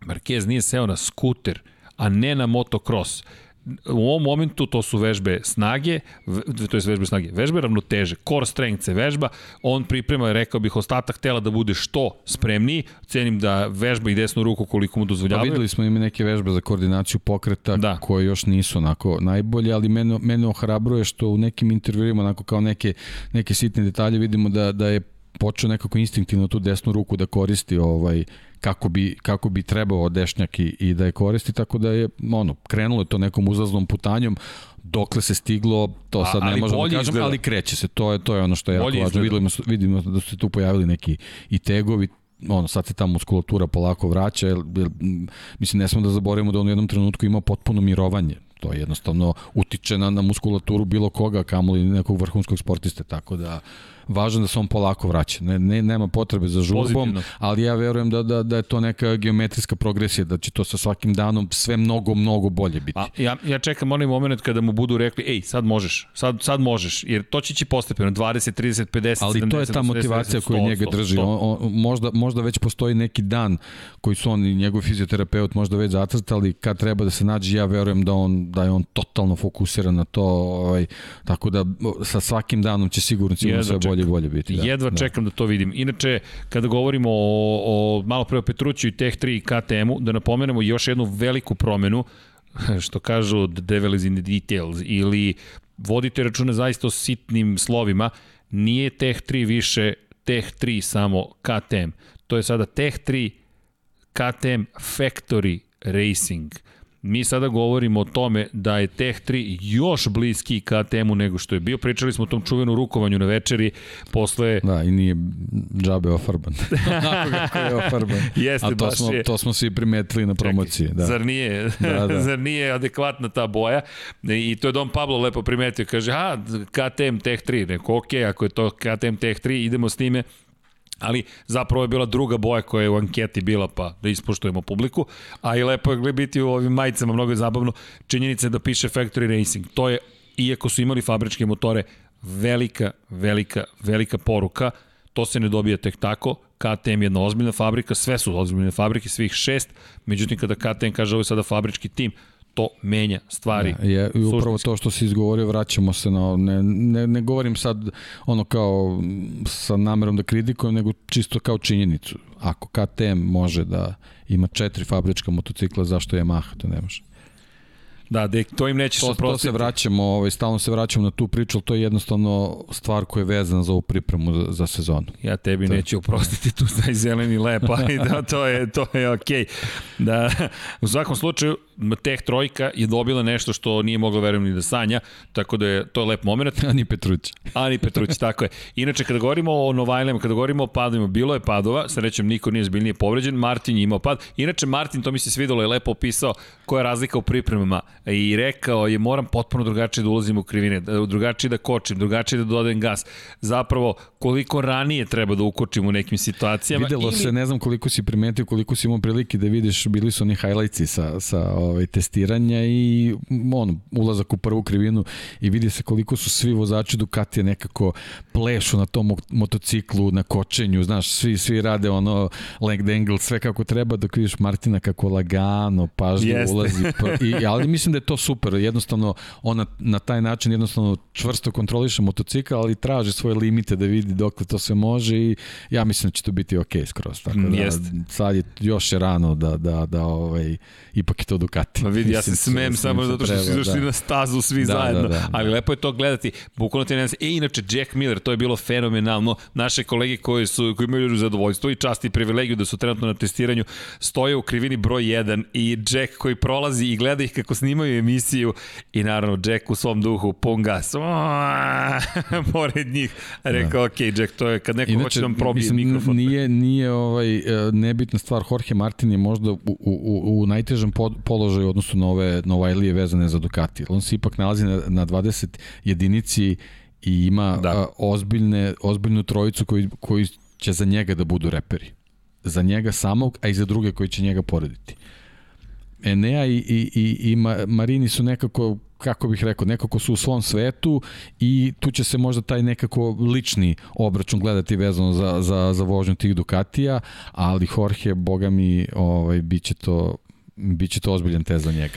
Jorge, prošle godine meni bio favorit za osvajanje titula u Moto2 klasi. Nije se prosto sve sklopilo, nije se dogodilo, ali... Pa dobro, bio je nesrećan splet okolnosti, propuštenje trka, naravno, to je I to ne to zaboravimo. Mnogo, mnogo Vidjet ćemo ove sezone kako bodova, će to da. uticati na njih. Videli smo na kraju koliko je bilo da. neizvesno, tako da... Pa, u jednom momentu je Nea, je, pomislio da, sam, da. ok, od ovog, od ovog filma neće biti ni, ničeg, ali ok, Nea na kraju završio posao. Ima tu još stvari o kojima vredi pričati. Tehničke inovacije, prikazat ćemo vam i tehnički kutak, naravno, ali spomenuo bih pre toga nešto što ne možemo da vam prikažemo, nažalost, ali niti imamo te fotografije, niti imamo pravo da prenosimo testiranja. Niko nije prenosio testiranje, čak ni MotoGP.com nije imao zapravo stream testiranja. Ove godine su tako rešili. Pa znam, ali nekako a ono kao lepo imati sliku, ali mi zaista ne možemo ne možemo kroz te kroz te slike da da da da dobijemo pravu sliku u stvari šta oni testiraju. To je, je, je najbolje je videti vreme, znači Dani Pedrosa 2,5 sekunde kasnije za za Jacko Miller. Da, ali ali ali, ali Ali deki, da. ima, ima jedna stvar. Ima jedna stvar koju patim što nismo mogli da prikažemo i koju, koju, koju nemamo, to je proba starta. Imamo e, da. nekoliko da, situacija. Da. A, hoćemo od one, ajmo od ozbiljnih da krenemo. Ako pričamo o, to je revolucija koju je započeo Ducati pre tri, zapravo suštinski pre dve godine. I kada pričamo o startu, počeli smo da govorimo pre par godina o tome da Ducati ima neki čudan sistem i nešto okrenu, spusti se zadnji kraj i imaju bolju zapravo kontrolu prilikom starta. To je bio početak, taj čuveni moment iz motokrosa kad, je, kad, kad ti dođeš do toga da si ti zapravo whole shot osvojio, whole shot device se zove, zašto whole shot? Oni koji voze MX-eve i prate MX takve šampionate znaju, pozdrav, moram da zlopotrebim situaciju, pozdrav za Zeka. Zeka je pitao inače, Zeka 75, da li ćemo sa Kuletom Perišićem praviti Ja ću samo da, da pogledam, uh, Don Pablo, možemo kadar na Dejana. Da li, da, da li vi mislite da ovaj čovjek to već nije osmislio? Da li vi, e, čujte, ja, moj posao je lak. A, ko prati Kuleta na društvenim mrežama, a, e, sigurno zna, Kulet trenutno u Španiji, testira motocikl pokušavajući da vidi da li u svojoj šestoj deceniji može i dalje da vozi i inače tre, trenira sa Martinom Vugrinecom trenutno i oduševio se Martinom, njegovom posvećenosti, talentom, e, željom za vožnju, tako da njih dvojice su trenutno zajedno. čim se Kule vrati u Srbiju, eto, nešto ćemo gledati da Nešto završimo, ćemo- a možda i Martina uspemo da, da ovaj, Tako je. dogovorimo da nekog u tom periodu vidimo, pošto on još uvek traži angažman, da vidimo gde je, šta je, tako da... I više ćemo imati i tih uključenja Tako je, i spremamo tako neko je. iznenađenje za samu sezonu, korak po korak, korak po korak i tako. Dvokorak, što kažu. Ali, idemo na, nazad na start. Whole shot device. Dakle, zašto whole shot? Pa to je što bi rekli engleski, sve si oteo. Na kraju ti je sve pripalo whole shot, jer si prvi ušao u prvu krivinu. Ko je gledao start motocross trki, zna o čemu pričam, da kad se spusti kapija, pong, i njih 30 krene ka jednoj krivini, a krenuli su iz istog reda, da, imate bolje pozicije, znate onda zašto se kaže whole shot. I Ducati je to prvi počeo da uvodi. Međutim, prošle godine smo počeli da vidimo da neki timovi zapravo ne, ne spuštaju zadnji kraj, nego spuštaju prednji kraj. Ove godine se dešava da spuštaju i prednji i zadnji. I vi sad odjedno imate Moto Grand Prix motocikle, koji izgledaju potpuno drugačije na startu. Priđu, stanu, op, spusti se prednji, spusti se prednji, pa zadnji kraj i gledaš ko je sada šta izmislio. To je jedna od redkih situacija tehničkih gde tačno vidiš da se nešto menja u geometriji samog motocikla. Čemu služi? Da prenese što više snage na zadnji točak, oslanjanje praktično se isključuje, vi imate najtvrđe moguće oslanjanje, pomaže, ali pomaže samo prilikom starta to jest da li samo prilikom starta. Onda smo počeli da vidimo da timovi, to jest vozači, upravljaju na izlazku iz krivina tim sistemom i da gledate kako on potone zadnji kraj ponovo kada se izađe na neki od pravaca. Sada imamo dvostruki sistem, sada pratimo koji tim je primenio šta, ima tu još posla, Takaki Nakagami je, je spalio zadnji točak prilikom probe jednog od starta, međutim ono što je fascinantno, svi u padoku su dolazili da gledaju probe starta. Tu se vidi zapravo ko je šta radio i prema informacijama, sa, pratite Simona Krejfara na MotoGP.com, Krejfar je rekao da mu deluje da je Aprilia najspremnija po tom pitanju, da izgleda fenomenalno Aleš Espargaro kada probaju start. Ljudi, ako pričamo o tome da su kvalifikacije naj, postale, ha, nisu podjednako važne koliko u Formula 1, ali među najvažnijim elementima, ako imate uređaj koji vam pomaže da na startu nadoknadite eventualno lošije kvalifikacije, vi imate ogromnu prednost odnosu na konkurente. Da. To bih tako želeo da vidim. To bih tako želeo da vidim. Zaista. Pa sve ovo što si rekao možda ima neke veze sa Suzukijem zato što su oni generalno mislim i vizualno se vidi da da ovaj motocikl nije pretrpeo neke ozbiljnije promene, ali oni su napomenuli da osim promena vezanih uh, za, za snagu motora, naravno koliko su mogli u skladu sa, sa ovim propisima da urade, da, da je jedna od bitnih stvari koju su radili, radili su neke promene na šasiji. Verovatno su te promene bile uslovljene nekim sistemima, tako da vidjet ćemo, ovaj, a, a znamo da, da, da je Suzuki boljka bila, ovaj, bili su loše kvalifikacije, pa sad da vidimo kako će oni sad to da uklope, a znamo da znaju da, da uklapaju ra, razne segmente, tako da vidjet ćemo malo koja je desetinka na, u kvalifikacijama, koja je desetinka na startu, a dobro startuju, već, tako da i Suzuki može ovaj ozbiljno da radi na, na tom polju.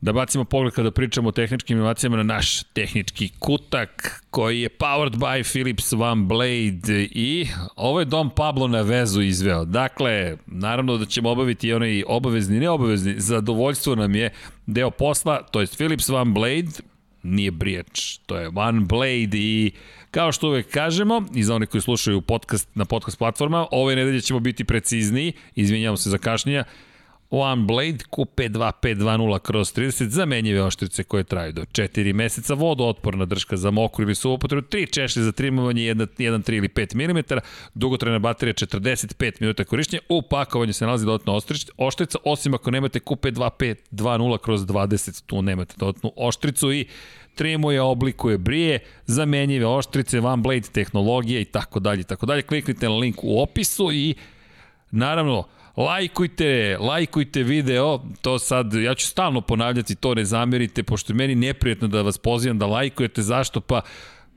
ukoliko vam se nešto dopada, lajkujte, ukoliko ne, nemojte, to je sve ok, dislajkujte ukoliko želite, ali poenta jeste zapravo da se igramo sa algoritmima YouTube-a i tako onda dobijemo, jel te, malo promocije, to je onda YouTube kaže, uhu, ovi su zanimljivi, makar se mi radamo da smo vam zanimljivi, tako da ako možete, udrite like, subscribe ukoliko želite da pratite šta se događa, zvonce, čak ni ja ne polim na jednom kanalu, mata, za Infinity Lighthouse možda nije loše. Idemo nazad na tehnički kutak, na vezu i ubačen ko?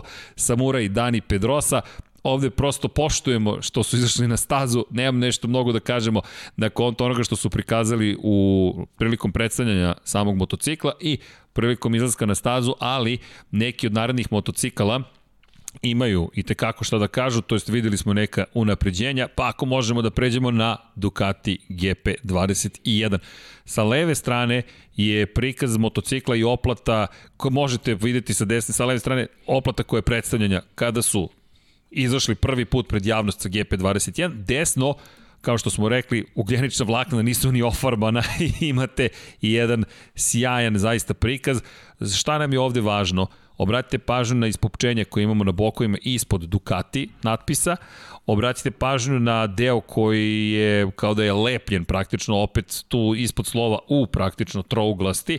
Možete vidjeti da je drugačiji u odnosu na ono što se vidi sa leve strane i vodite računa o trbuhu. Vodite računa o tome da imate nešto poput kašike na prednjem kraju, to je polu lopta praktično koja tu stoji, ne znamo tačno šta sve tu planiraju da urade ili ne, ali činjenica je da izgleda drugačije, sama krila izgledaju drugačije i Ducati standardno je već ozbiljno počeo da se priprema, imamo neke žljebove i, u, i u, zapravo delove koji drugačiji su dosta u odnosu na ono što su nam prezentovali, tako da ne znamo koji će model biti, šta ćemo videti za, vreme, za prvu trku. Ali da, ovo su, ovo su delovi koji se testiraju Ovaj, tako da ne mora uopšte da znači da, da ono što smo videli na, na, na zvaničnoj prezentaciji da će da. uopšte biti konačna verzija, kao što ne mora da znači ni da ovo što, što se na ovoj slici desnoj vidi da će uopšte biti primenjeno. Tako je. Može Opet vidjeti. se vraćam na Mizani, na, na onaj Yamahin top, to je pa, Akra, Akrapovićev čunak, da. Čunak, izvinite. Tako da... Da. da, to je bilo to je bilo zanimljivo, ali opet Akrapović ozbiljna kompanija Yamaha, iako trpi kritike i dalje ozbiljna fabrika, ne možete tek tako da učestvujete u Moto Grand Prix. I pogled na zadnjem točku kako je zatvoren, prosto točak u suštini, mi govorimo o tome da se Ducati ozbiljno bavi i aerodinamikom i ovo je konačno najbrži vozač i najbrži motocikl koji smo videli u predsezonskim testiranjima. Meni je ovo fenomenalan kadar, ne znam zaista šta sve su ispod stavili, ali to ćemo nadam se saznati. Činjenica da Ducati je vrlo agresivan u istraživanju unapređenja u aerodinamici i to je nešto što verujem da će se nastaviti tokom cele sezone, koliko pravila naravno dozvoljavaju i u skladu sa njima da ćemo vidjeti opet jedan vrlo napredan motocikl. Idemo mi dalje, nije Ducati jedini. Ovo je malo da bacimo pogled na motocikl koji se ne menja. Dakle, a mada ovo zanimljivo, deluje mi kao da je aluminijum pozadnji, mada možda su ugljenična, ne, ovo je ugljenična vlaka zadnja viljuška kod Fabija Kvartarara, prosto da, da prikažemo i Fabija najzad na stazi u fabričkim bojama. Dobro, i drugo vreme Jeste, bolje od prošlogodišnjeg rekorda, Tako treba, je. treba to spomenuti. Tako je. Idemo dalje, Fabio ima novu kacigu, ovo nam je takođe zanimljivo, Vratite pažnju na desnu stranu, ide Mitsu Honda, Takaki Nakagami, pogotovo na prednje krilo. Ukoliko pogledate kako izgleda prednje krilo na koje se naslonio Takaki Nakagami sa desne strane i sa leve strane, odsustvo ozbiljne količine površina, Honda opet dosta drugačije izgleda, opet bokovi su takođe drugačiji, ne tako mnogo, ali su drugačiji. Međutim, ovo, ovo odsustvo površina na prednjem krilu je meni fascinantno, to je nešto što moram priznati da nisam očekivao, pogotovo što su se dosta bavili tim prednjim krilom u poslednjih nekoliko godina. Da, i, i s obzirom koliko ta aerodinamika više nije toliko nezanemariva. Jako tako je, je bitan deo, ovaj, tako da da, baš je onako iznenađujuće da, da se na motociklu ne nađe taj deo. Da. Kao da je stari neki motor prikazan, čak nema ni bočnih zapravo krilaca. Ne, ako obratite pažnju kod, na desnoj slici kod lica i na idemicu imate crna krilca, koja su na beloj i crvenoj površini, sa leve strane ih uopšte nema. Uopšte ih nema. Kod Takaki Nakagami, koji je bio među 10 najbržih, inače Takaki Nakagami, kada već ovo gledamo, je čovek koji je rekao da je ovo sada, koliko je prednosti bilo prošle godine, s obzirom na činjenicu da imao stari motocikl i imao dosta starih podataka, i to od manje ni više od svetskog šampiona Marka Markeza, ove godine prilagođavanje i odmah je prokomentarisao da je da su karakteristike motora sa unutrašnjim sagorevanjem ovog za 21. koji je zasnovan na motelu iz 2020 potpuno drugačije i da mu je potrebno prilagođavanje, da će morati da menja opet stil vožnje, međutim djelo je da Takaki Nakagami opet vrlo, vrlo se dobro snašao u toj celoj situaciji i ono što je važno napomenuti, niko nema podatke od Marka Markeza od prošle godine, tako da cijela Honda zapravo ima manjak jedne sezone podataka jednog od najvećih vozača svih vremena. Nije mala stvar, ali nama je zanimljiv tehnički kutak iz te perspektive. I ovo je ono što čekamo za Formulu 1 takođe naredne nedelje, da vidimo zapravo ko da, će... I tu ono, ono što, sam, što sam pričao zašto u početku mislim da će LCR biti u prednosti odnosu, odnosu na Reptol, u re, na Repsol njima je uh, Alex Marquez stigao sa verovatno nekom količinom podataka koje će obilatno moći da se koristiti u ovim testiranjima. Naravno, verovatno i ovaj će se deo podataka deliti sa, sa Repsolom, ali sad je pitanje u kakvoj meri i na koji način.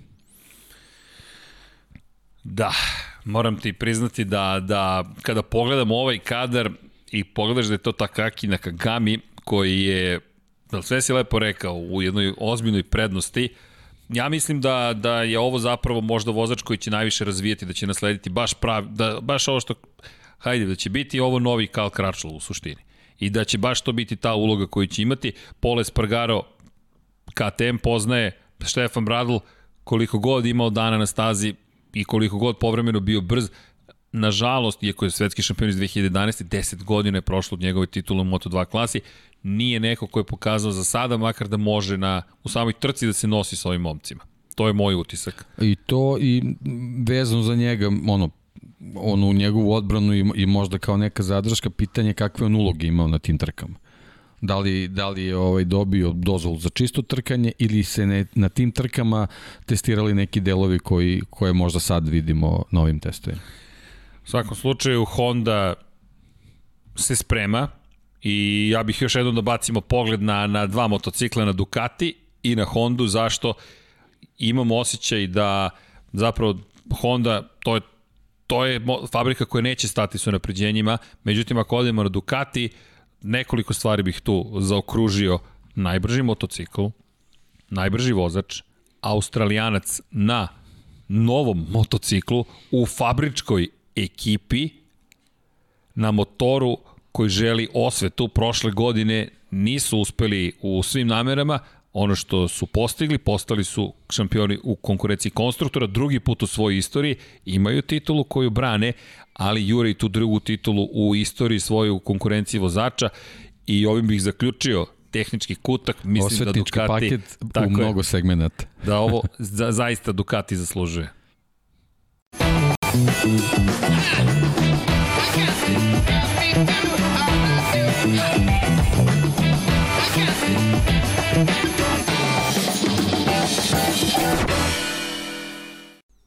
Ok, Vreme je za Moto2 i Moto3. Zašto? Pa mi ostali bismo mi ovde još, ali obećali smo našim kolegama iz OBNEOB da ćemo za koliko? Za 20 minuta im ustupiti studio. Zašto? Nemamo predstavu, imaju neki specijal večeras od 22 časa. Inače, za one koji ne znaju, obneob.rs mlađani gospodin Barakus sa mlađanim gospodinom Banjcem odavde rade, imaju našu podršku.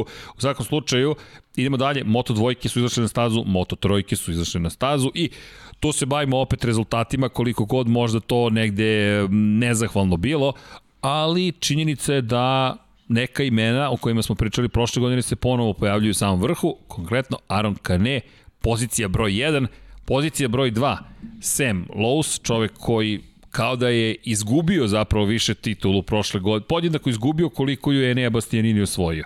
Mislim da, da ne treba da, da ne želim da zvuči kao da je Sam imao već u rukama titulu ili da bi Bastianini nije zaslužio, zaslužio je, apsolutno, ali Lowe's je takođe izgubio tu titulu. Ne, ne, upravo si potpuno ovaj i, i vezano za, za niže kategorije situacije misle malo drugačije nego, nego Moto Grand Prix ovaj, mislim da ovde možemo da dobijemo neku sliku šta možemo da očekujemo u sezoni vezano konkretno za ove rezultate na testiranjima. Odli, Kane, odličan, 30 tinki je bio od Sema Lousa, Marcos Ramirez pozicija broj 3, Bo Ben Snyder na poziciji broj 4, Bo koji često holandjani dobro u predsezoni, kada dođe godine, međutim nekako tu popusti, ali lepo ga je Kao da se uželi, onda kad krene sezona malo mu dosadi sve. ali bukvalno tako izgleda. Ponekad se pitam da li je moguće, ponovo je Ben Snyder prijatno iznenadio, nešto dobro učinio i onda jednom dođe sezona i mi kažemo ok. A znaš kako, tu je možda i stvar i, fizičke pripreme i generalno ne, ne, neke, ne, neke globalne pripreme njegove vezane za sam šampionat, ili jednostavno nisu svi sazdani od istog materijala, od istog kova i možda jednostavno neki pritisci koji, koji se dešavaju tokom sezone, on, on s tim ne može da se, da se izbori, jednostavno padne tokom godine. Kao što s, ne, s neke druge strane imamo momke koji u finišu sezone ova eksplodiraju, u stvari jednostavno iskoriste svoj potencijal da mogu da mogu u istom stilu da izguraju četavu godinu. Tako da to je možda jednostavno ta, ta klackalica koja ne ide na njegovu stranu. Ali kada pričamo o, o kada pričamo o pripremi sezone, jedno ime verujem da će, da će, da će ti, znam da ti znaš, ali za publiku, da li bi trebalo da postavimo sada pitanje, ok, koga mislite da vidimo u predsezonskim testiranjima da ima dobre rezultate, a nažalost opet neće osvojiti titulu u Moto2 kategoriji. Znam da zvučim grozno, ali mislim da sam da, dao neku vrstu odgovora za one koji eventualno ne znaju. Reč je o Tomu Lutiju, opet Tom Luti veoma dobar kada, neću reći da nije potrebno, naprotiv, potrebno je da bude se brz, međutim Tom Luti se tako opet pojavi i negde nestane u celoj priči, opet je bio dobar, tak moramo da ga istaknemo, zašto prošle godine puno problema za Toma Lutija, svetski šampion inače iz 2005. godine, čovek koji je davno osvojio tu titulu, međutim to se pamti. Ove godine opet će biti na Kalexu, ono što je zanimljivo prešao je u SAG ekipu, klubski kolega mu jeste Bob and Snyder u toj ekipi, tako da SAG Stop and Go Racing je inače dobio novog sponzora, zvanično per, Pertamina Mandalika, mo, indonežanska kompanija, ali Mandalika koja opet i kao staza stoji kao rezervna staza. I kada spominjem stazu, za malo da zaboravim, čekaj deki. Ej, pa savršena ti je sada majica. Sad razumem šta si učinio. Ok, ovo je omaž Mađarskoj. Velika nagrada Mađarske od 2023. Sad sam razumem. Ne, sve ti je oprošteno. Cool su boje. To su cool boje. Tako da, ok. Dakle, to je zapravo poenta. da, velika nagrada Mađarske 2023 to je makar zvanična informacija. Nažalost, moram da vam kažem da smo 2009. isto tako imali više vesti koji su govorili o tome da ćemo se trkati u Mađarskoj. Tako da polako. polako, deki, ja nismo uopšte reagovali. Ok, ispustite zašto, pa malo smo stariji, pre 12 godina, Balaton Ring je bilo ime staze koja i dalje ne postoji osim u renderima. Da, bilo je gotovo, sve spremno. Što su lepi renderi bili, što se lep temelj opaljen, što je Carmelo Espeleta, šef Dorne, došao i rekao ne, mi dolazimo na Mađ u Mađarsku i to je sve završeno, pa onda dođe 2010. nigde staze. I dalje je lepo jezero tu, Balaton, ali nema ringa. Onda dođe 2011. izađe kao zvanični kalendar za sezonu i piše velika nagrada Mađarske, a dole zvezdica, rezervna staza Aragon. E, Aragon od 2011. nije napustio šampionat sveta, pa vi vidite zašto mi, kada neko kaže biće velika nagrada, nagrada Mađarske u Moto Grand Prix, smo rezervisani. Da, više bih volao da čujem da se vraća Češka, ali dobro. Bojim se Nema veze, da, ako imamo da. nove staze, ako su u našem okruženju, ok, samo da bude. Jeste, i to je ono što da je bude. lepo, mi se zaista nadamo da će se to dogoditi. Ono što, što, što, što znamo, šta je sve rečeno, Debrecen će biti domaćin zapravo staze, Dorna je rekla da bi to trebalo da bude jedno najboljih na svetu, to su bukvalno reči koje dolaze iz Dorne i to će biti potpuno nova staza Ono što je važno pomenuti, Debrecen je inače drugi najveći grad u Mađarskoj. Hungaroring se koristi u Formuli 1, koristio se nekada i u svetskom šampionatu u motociklizmu, pa da, to je današnji Moto Grand Prix. To se, kao što i sami možete čuti, neće dakle, događati, neće se odlaziti na Hungaroring. Gabor Talmači, spominjali smo ga pre nekoliko emisija, šampion sveta 125 kubika iz 2007. je neko koji je koji je zaista učinio mnogo za promociju sporta u Mađarskoj. Međutim, Carmelo Espeleta, ono što je bilo zanimljivo, rekao je da je srećan što se dolazi u Mađarsku, da je to vrlo strastvena zemlja prema trkama, Gabora je spomenuo, rekao, bio je svetski šampion i ovo će omogućiti ono što je nama interesantno, a to je formiranje kupa talenata kada imate jednu stazu koja je homologizovana ili će biti za Moto Grand Prix trkanje i dolaze zvezde Moto Grand Prix-a, Debrecen nije tako daleko. Gde god da živite, u kojoj god državi u regionu Balkana živite, to je sve relativno blizu. Drugi staze u regionu bivše Jugoslavije nisu prosto, nemaju homologaciju. To, o tome smo pričali kada je reč o grobniku. Ovo je nešto sasvim drugo iz te perspektive. I taj kup talenata, severni kup talenata, pa i mini Grand Prix kategorija otvaraju brojna vrata. Nije ovo, ovo je velika vest. I jedini razlog zašto se nismo s njom zaleteli u emisiju jeste ta, ta, to blaga, ta blaga rezervisanost da li će se projekat realizovati ili ne. Ukoliko se realizuje kako govore u Dorni, ljudi, mi onda imamo stazu koja bi mogla da otvori vrata klinkama i klincima sa ovih prostora, gde, odakle god da dolaze, Moto Grand Prix. To je zaista tako, to je ne toliko samo važna to, vest. Ako, ako je toliko Dorna u čitavu priču, znači ovo sad samo, samo da. neka pretpostavka, verovatno će Dorni raditi na tome da se neka testiranja kao što sad imamo ovo u Kataru možda održavaju tu, pa, pa će biti više prilika da, da, da se ljudi nađu na toj stazi i to, to su stvarno što se tiče promocije fenomenalna stvar. Za organizaciju regionalnih takmičenja i trka na, na, na Grand Prix stazi to bi bila fenomenalna stvar. Navodno će započeti radovi na stazi već u drugom kvartalu ove godine, dakle to je period april, maj, jun.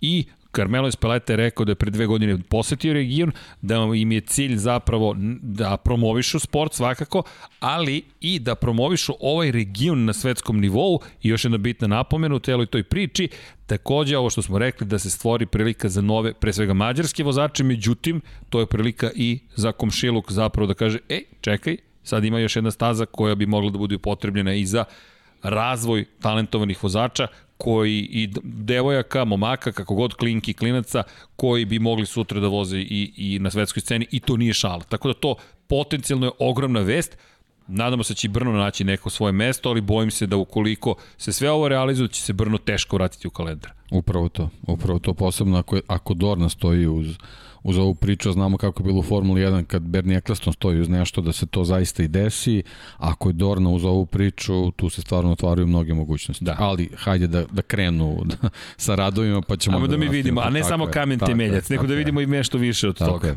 Okej. Okay. Vratimo se moto dvojkama. Rekli smo za Boa Ben Snyder, Augusto Fernandez, Lorenzo Baldassari, Tom Luti, Simone Corsi, Somkijat Chantra, Marcel Schrotter. To je vodećih 10. Toni Arbolino stigao je u kategoriju, Ajogura stigao je u kategoriju, Albert Arenas stigao je u kategoriju, Cameron Bobije stigao je u kategoriju i Piotr Biskirski je bio u kategoriji. Još uvek uči, dosta je zaostajao, međutim, mladi Poljak, eto, opet podržavamo što dolazi iz zemlje koja nema tako veliki broj vozača, držimo mu palče, mora da se ubrza ove godine, ozbiljno, 3 sekunde je zaostaje za Kanem, ali opet, govorimo o nekom potpuno drugom da, iskustvu. Da, nije, nije kvantni skok, ali prelazak u Moto2 da. stvarno zahteva prilagođavanje. Jeste, to, to je ozbiljna, ozbiljna promjena. Inače, Moto trojke su takođe bile na stazi, ne tako veliki broj, međutim Denis Fođa završio na poziciji broj 1 ispred Romana Fenatija i Serhija Garzije. Izan Gevara, o kojem smo pričali prošli put, na koga bismo izabrali, vrlo, vrlo dobar je bio, de facto na poziciji broj 5, pored njega, ne zapravo 4, oprostite, pored njega Xavi Artigas pozicija broj 5 i to su ti klinci koji stižu.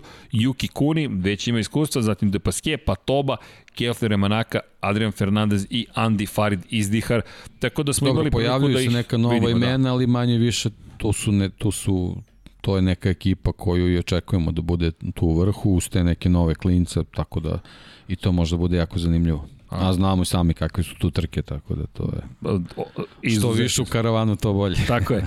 Ok, uh, imamo još 10 minuta. Da li neko ima neko pitanje? Imamo 10 minuta, ovo će biti najbrži uh, Lab 76 svih vremena. Neki se čak ovde osmehuju radosno. Ali, šta, izvukli ste se, jao, a možemo da nastavimo od ponoći kada završe ob... ne, ne, sa, sam, dobro. Ne stavljamo niz, najkraći, najduži. da, ovo je priprema da. za maraton. Znaš kako će da glasi zapravo Lab 76, 76? Maratoci trče 76. krug.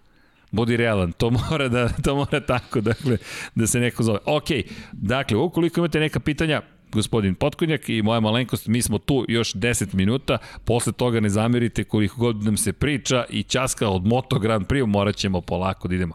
Pitanje za obojicu, inače pozdrav svima, e, za, za sve hvala, pozdrave i Vozdra Nučik danas nekoliko puta majice, u mailu na ništa, uh, 1, 2, 3 Kigir, Sredit ćemo, autoresponder nam je malo problematičan, ovih dana smo rešavali neke druge stvari, stigao nam je novi audio interfejs, stigle su neke nove stvari, Do kraja nedelje će to biti rešeno i obradit ćemo računa ko je više puta naručio da, da, da, da, da ne, da ne šaljemo majice više puta. Srki ličiš na Ironmana iz Avengersa. Au, au, oh, šta želite, ognjene? Da, deki ličiš na Hulka. ja mislim da ognjen želi. Jao, pozdrav za Ozrena Prpića. Pozdrav za Ozrena Prpića, šta je uradio Ozren, nismo ni stigli da saopšte, da završimo pripremu Patreon stranice, on je našao naš Patreon i počeo da donira. Ozrene, hvala.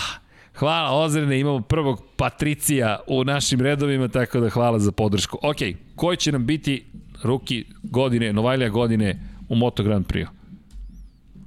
Pa, to, to kao... Za Deki ja znam odgovor. Evo, ćeš ja da odgovorim u tvoje ime. Enea Bastianini. Da, Ne La, stojiš lažni tome? 33. Lažni da. 33, da.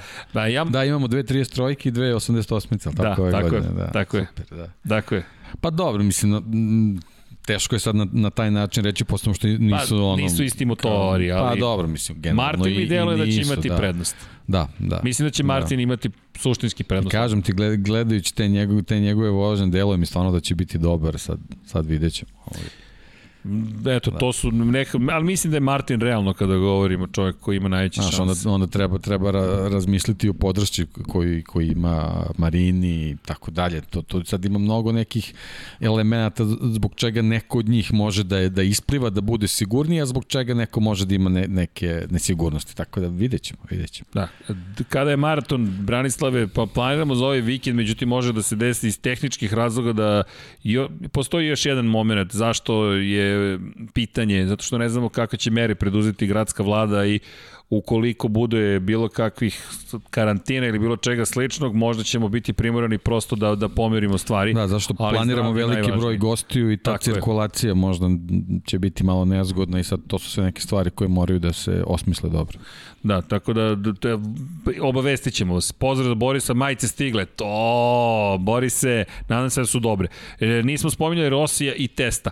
Pa Rossi je bio gore-dole. Uglavnom je, nije bio, nije se istakao previše, u smislu da je da su njegove vremena bila neka impresivna vremena. Uglavnom je on bio taj koji je bio najsporija Yamaha, ali ne posmatramo to tako, posmatramo to, neću reći kao, na, im, imam teoriju već nekoliko godina da Rossi zapravo čuva snagu za trke i da je u modusu u kojem nema potrebe da tokom testiranja se troši, Da, on je danas neki 56 krugova izazov, je. što otprilike spada u neki prosek, malo iznad proseka, tako da, da to, je, to je to otprilike. Da. da. To, to, to su naša da. razmišljanja negde, tu nekako delimo mišljenje, prosto da je vrlo ekonomičan prema sebi i svom telu i da zapravo moj utisak na osnovu svega što radi kao da slaže mozaik. Odveze prvi sektor, da. Aha, to je prvi sektor. Pa onda odveze brzi drugi sektor, aha, to je drugi sektor. Pa treći, četvrti i onda kad mu treba ceo krug, vozi ceo krug. Ali ostale radi na napređenju što motora, što prilagođavanje na ovu ekipu. Da, to nismo komentarisali, meni je bilo bizarno kada sam vidio Brenta Stevensa i, i, i Rosijeve ljude kako pomažu Fabio Quartararo u fabričkoj ekipi Yamaha i gledam i kao, Imaju vremena dovoljno, sad, sad nisu toliko opterećeni raznim Da, tako drugim je, stvarima tako i obavezama. Da. Tako je, a potpuno nova ekipa sa strane kod Rosija u Petronasu, tako da mislim da mu je to bio prvi proces, da uspostave što bolji odnos tim i on na samoj stazi. I kažem, ova vremena nisu zaista nikakav reper u ovom trenutku. Da. Komentar za, komentar za dopisivanje Aleša Espargara Lorenca, pričali smo na početku emisije, deluje i kao dobra marketniška kampanja između ostalog. Darko, jeste pominjali Mađarsku, evo pre nekoliko minuta smo baš pričali dosta o tome. Da li vidite Fabio u budućnosti kao šampiona ili nekoga ko će da blista s vremena na vreme samo na momente? Ludi naučnik pita.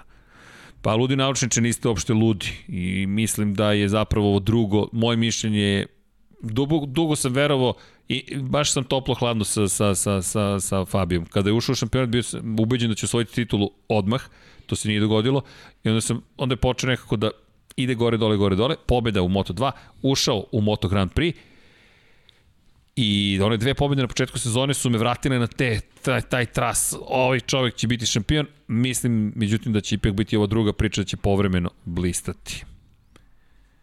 Šta mislite, da li će se ikada autodrom Grobnik vratiti u kalendar Moto Grand Prix? Ne skoro. A i pitanje da li može, ta staza mora sada da se mnogo promeni, renovira da bi odgovarala modernom Moto Grand Prix.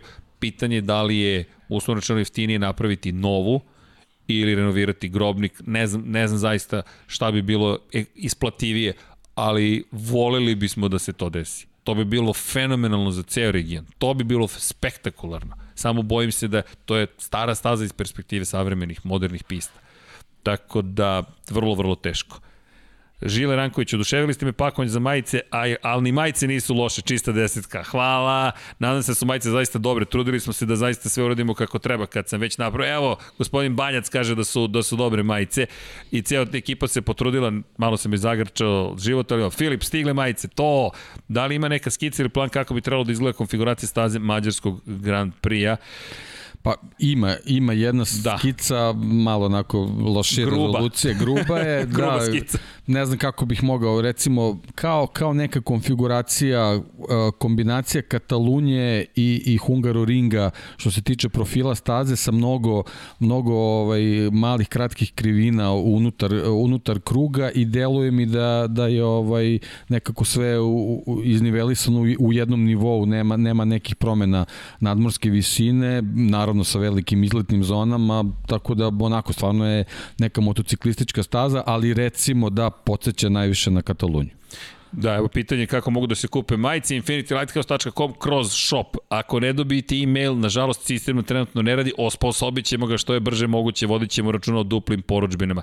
Pit Srki, pitaj deke šta si uradio majici? Šta si uradio majici? Pa ne možemo da otkrijemo evo, pa smijem da kažem, ljudi, pogledajte početak, ali Ferrarizovao je majicu i Vanja, li imamo onaj beauty film? Ferrarija. Evo da vidite šta je učinio. Koliko traje, Vanja? Dve minute. Taman da se odjavimo uz skuderija Ferrari 21. Gospodin Banjac je stigao, uskoro kreće. Evo da vidite šta je Deki to učinio. Odgovarat će mi na vaše pitanje Toprak u Grand Prix-u. Teško. Teško, ali evo. Zelen MM. I nije Mark Marquez, nego MW.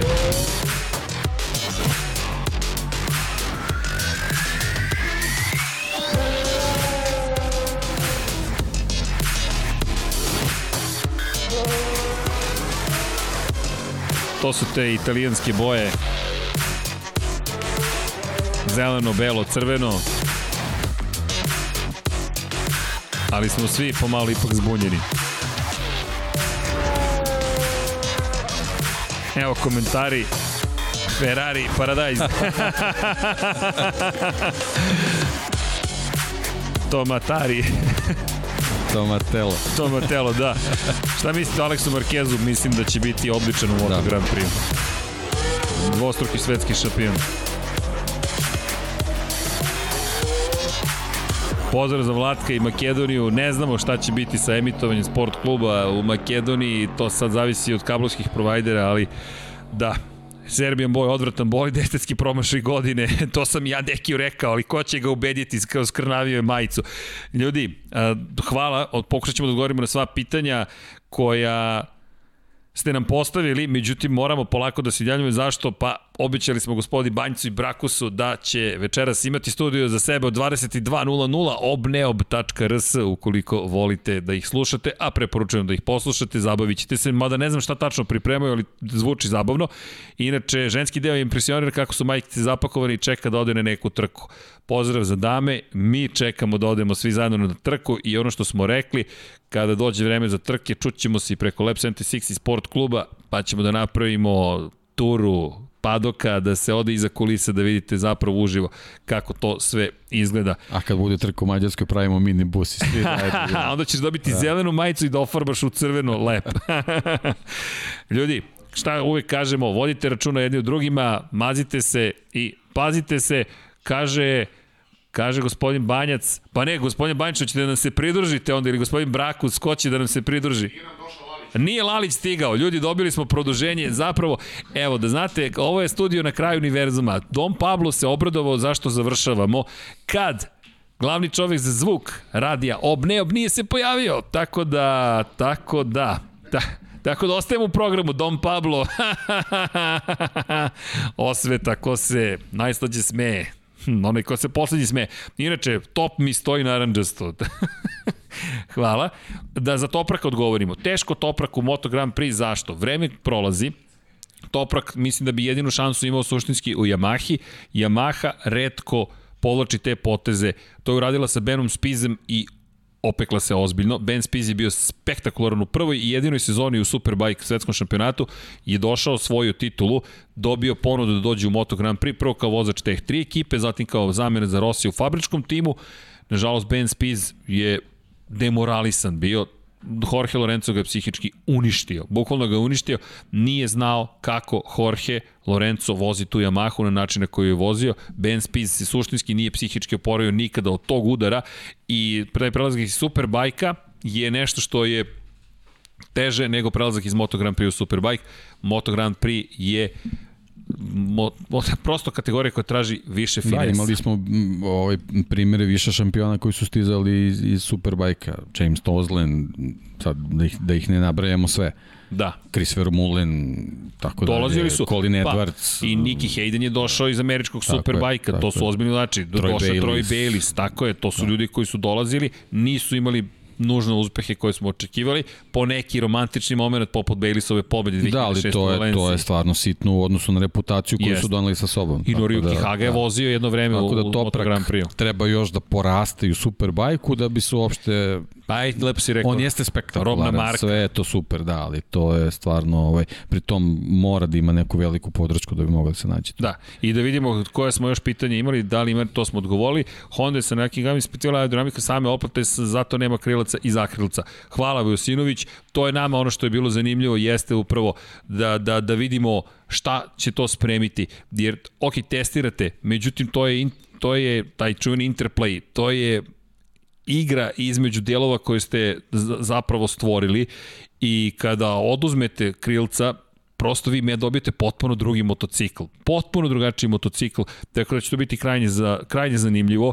E, vidite šta će na kraju na Hondi da završi, šta neće da završi na Hondi, jer nije bilo ni, ni krila prednjih. To, to potpuno menja ponašanje motora šta mislim da su još radili, ali to ne mogu da, da, da dokažem, a to je zapravo da su se bavili i motorom podjednako, i ne samo motorom, već i elektronikom. Zašto?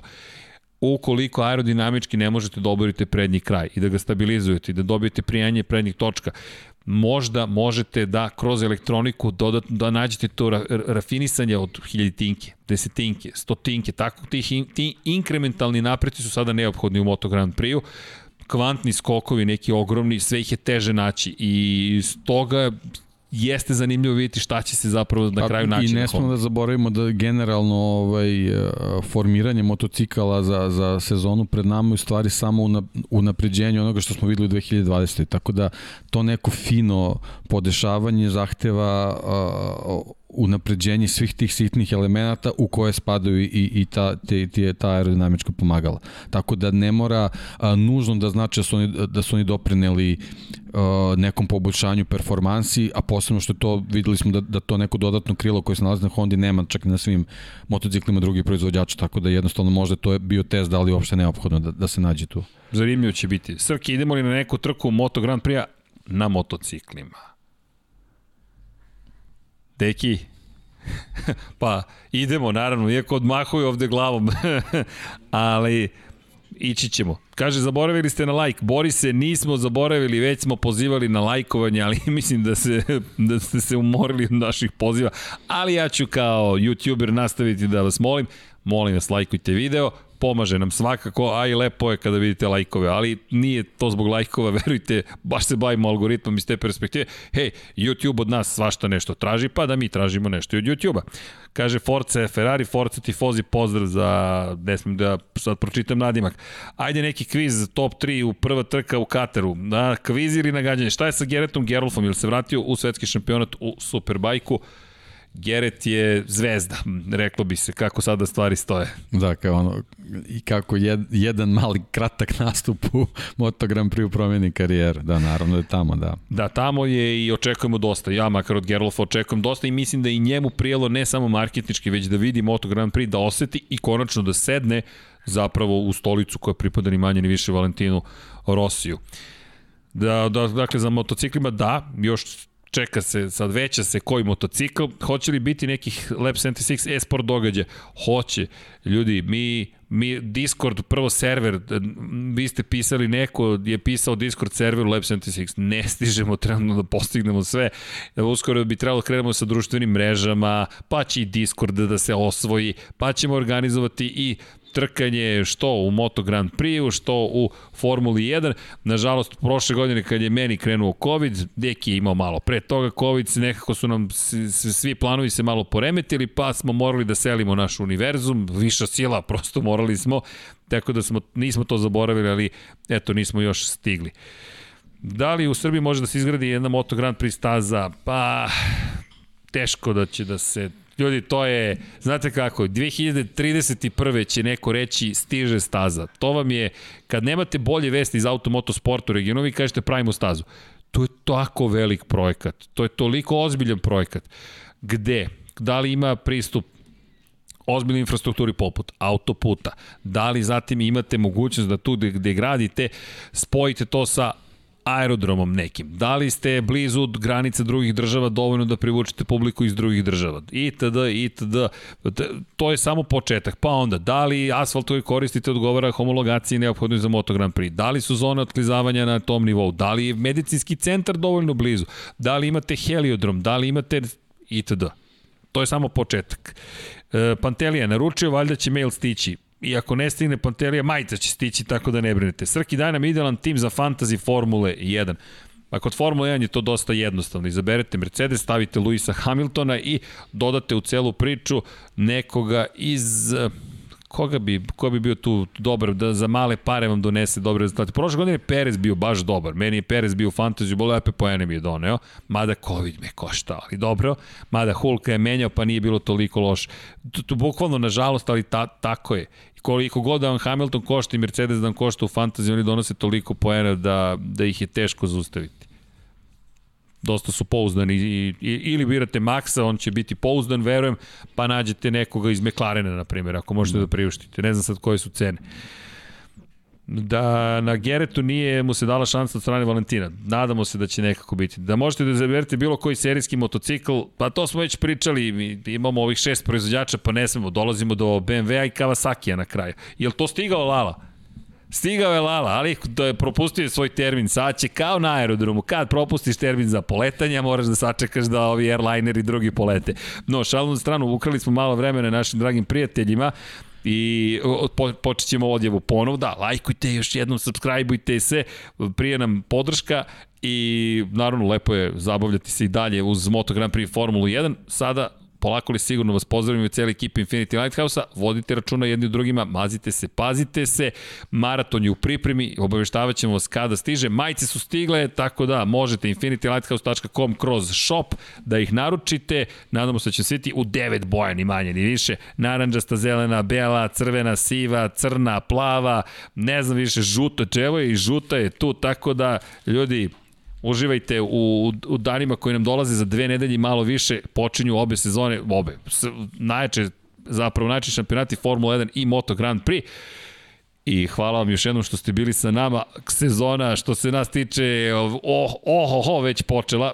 Jack Miller da zaključimo obara rekord u Kataru i na taj način završava prva predsezonska testiranja. A sada Posle nas stiže Obneob, ako ovo sluša odloženu snimku ili sluša u podcastima, pa ljudi, pogledajte obneob.rs, evo malo promocije za naše drugari i prijatelje. Ostanite uz Lab 76 Infinity Lighthouse, 99 yardi stiže u petak, Lab 76 sledeće nedelje sigurno dolazi broj 79, a 76, pa vidjet ćemo kada. Ljudi, hvala vam još jednom, ćao svima.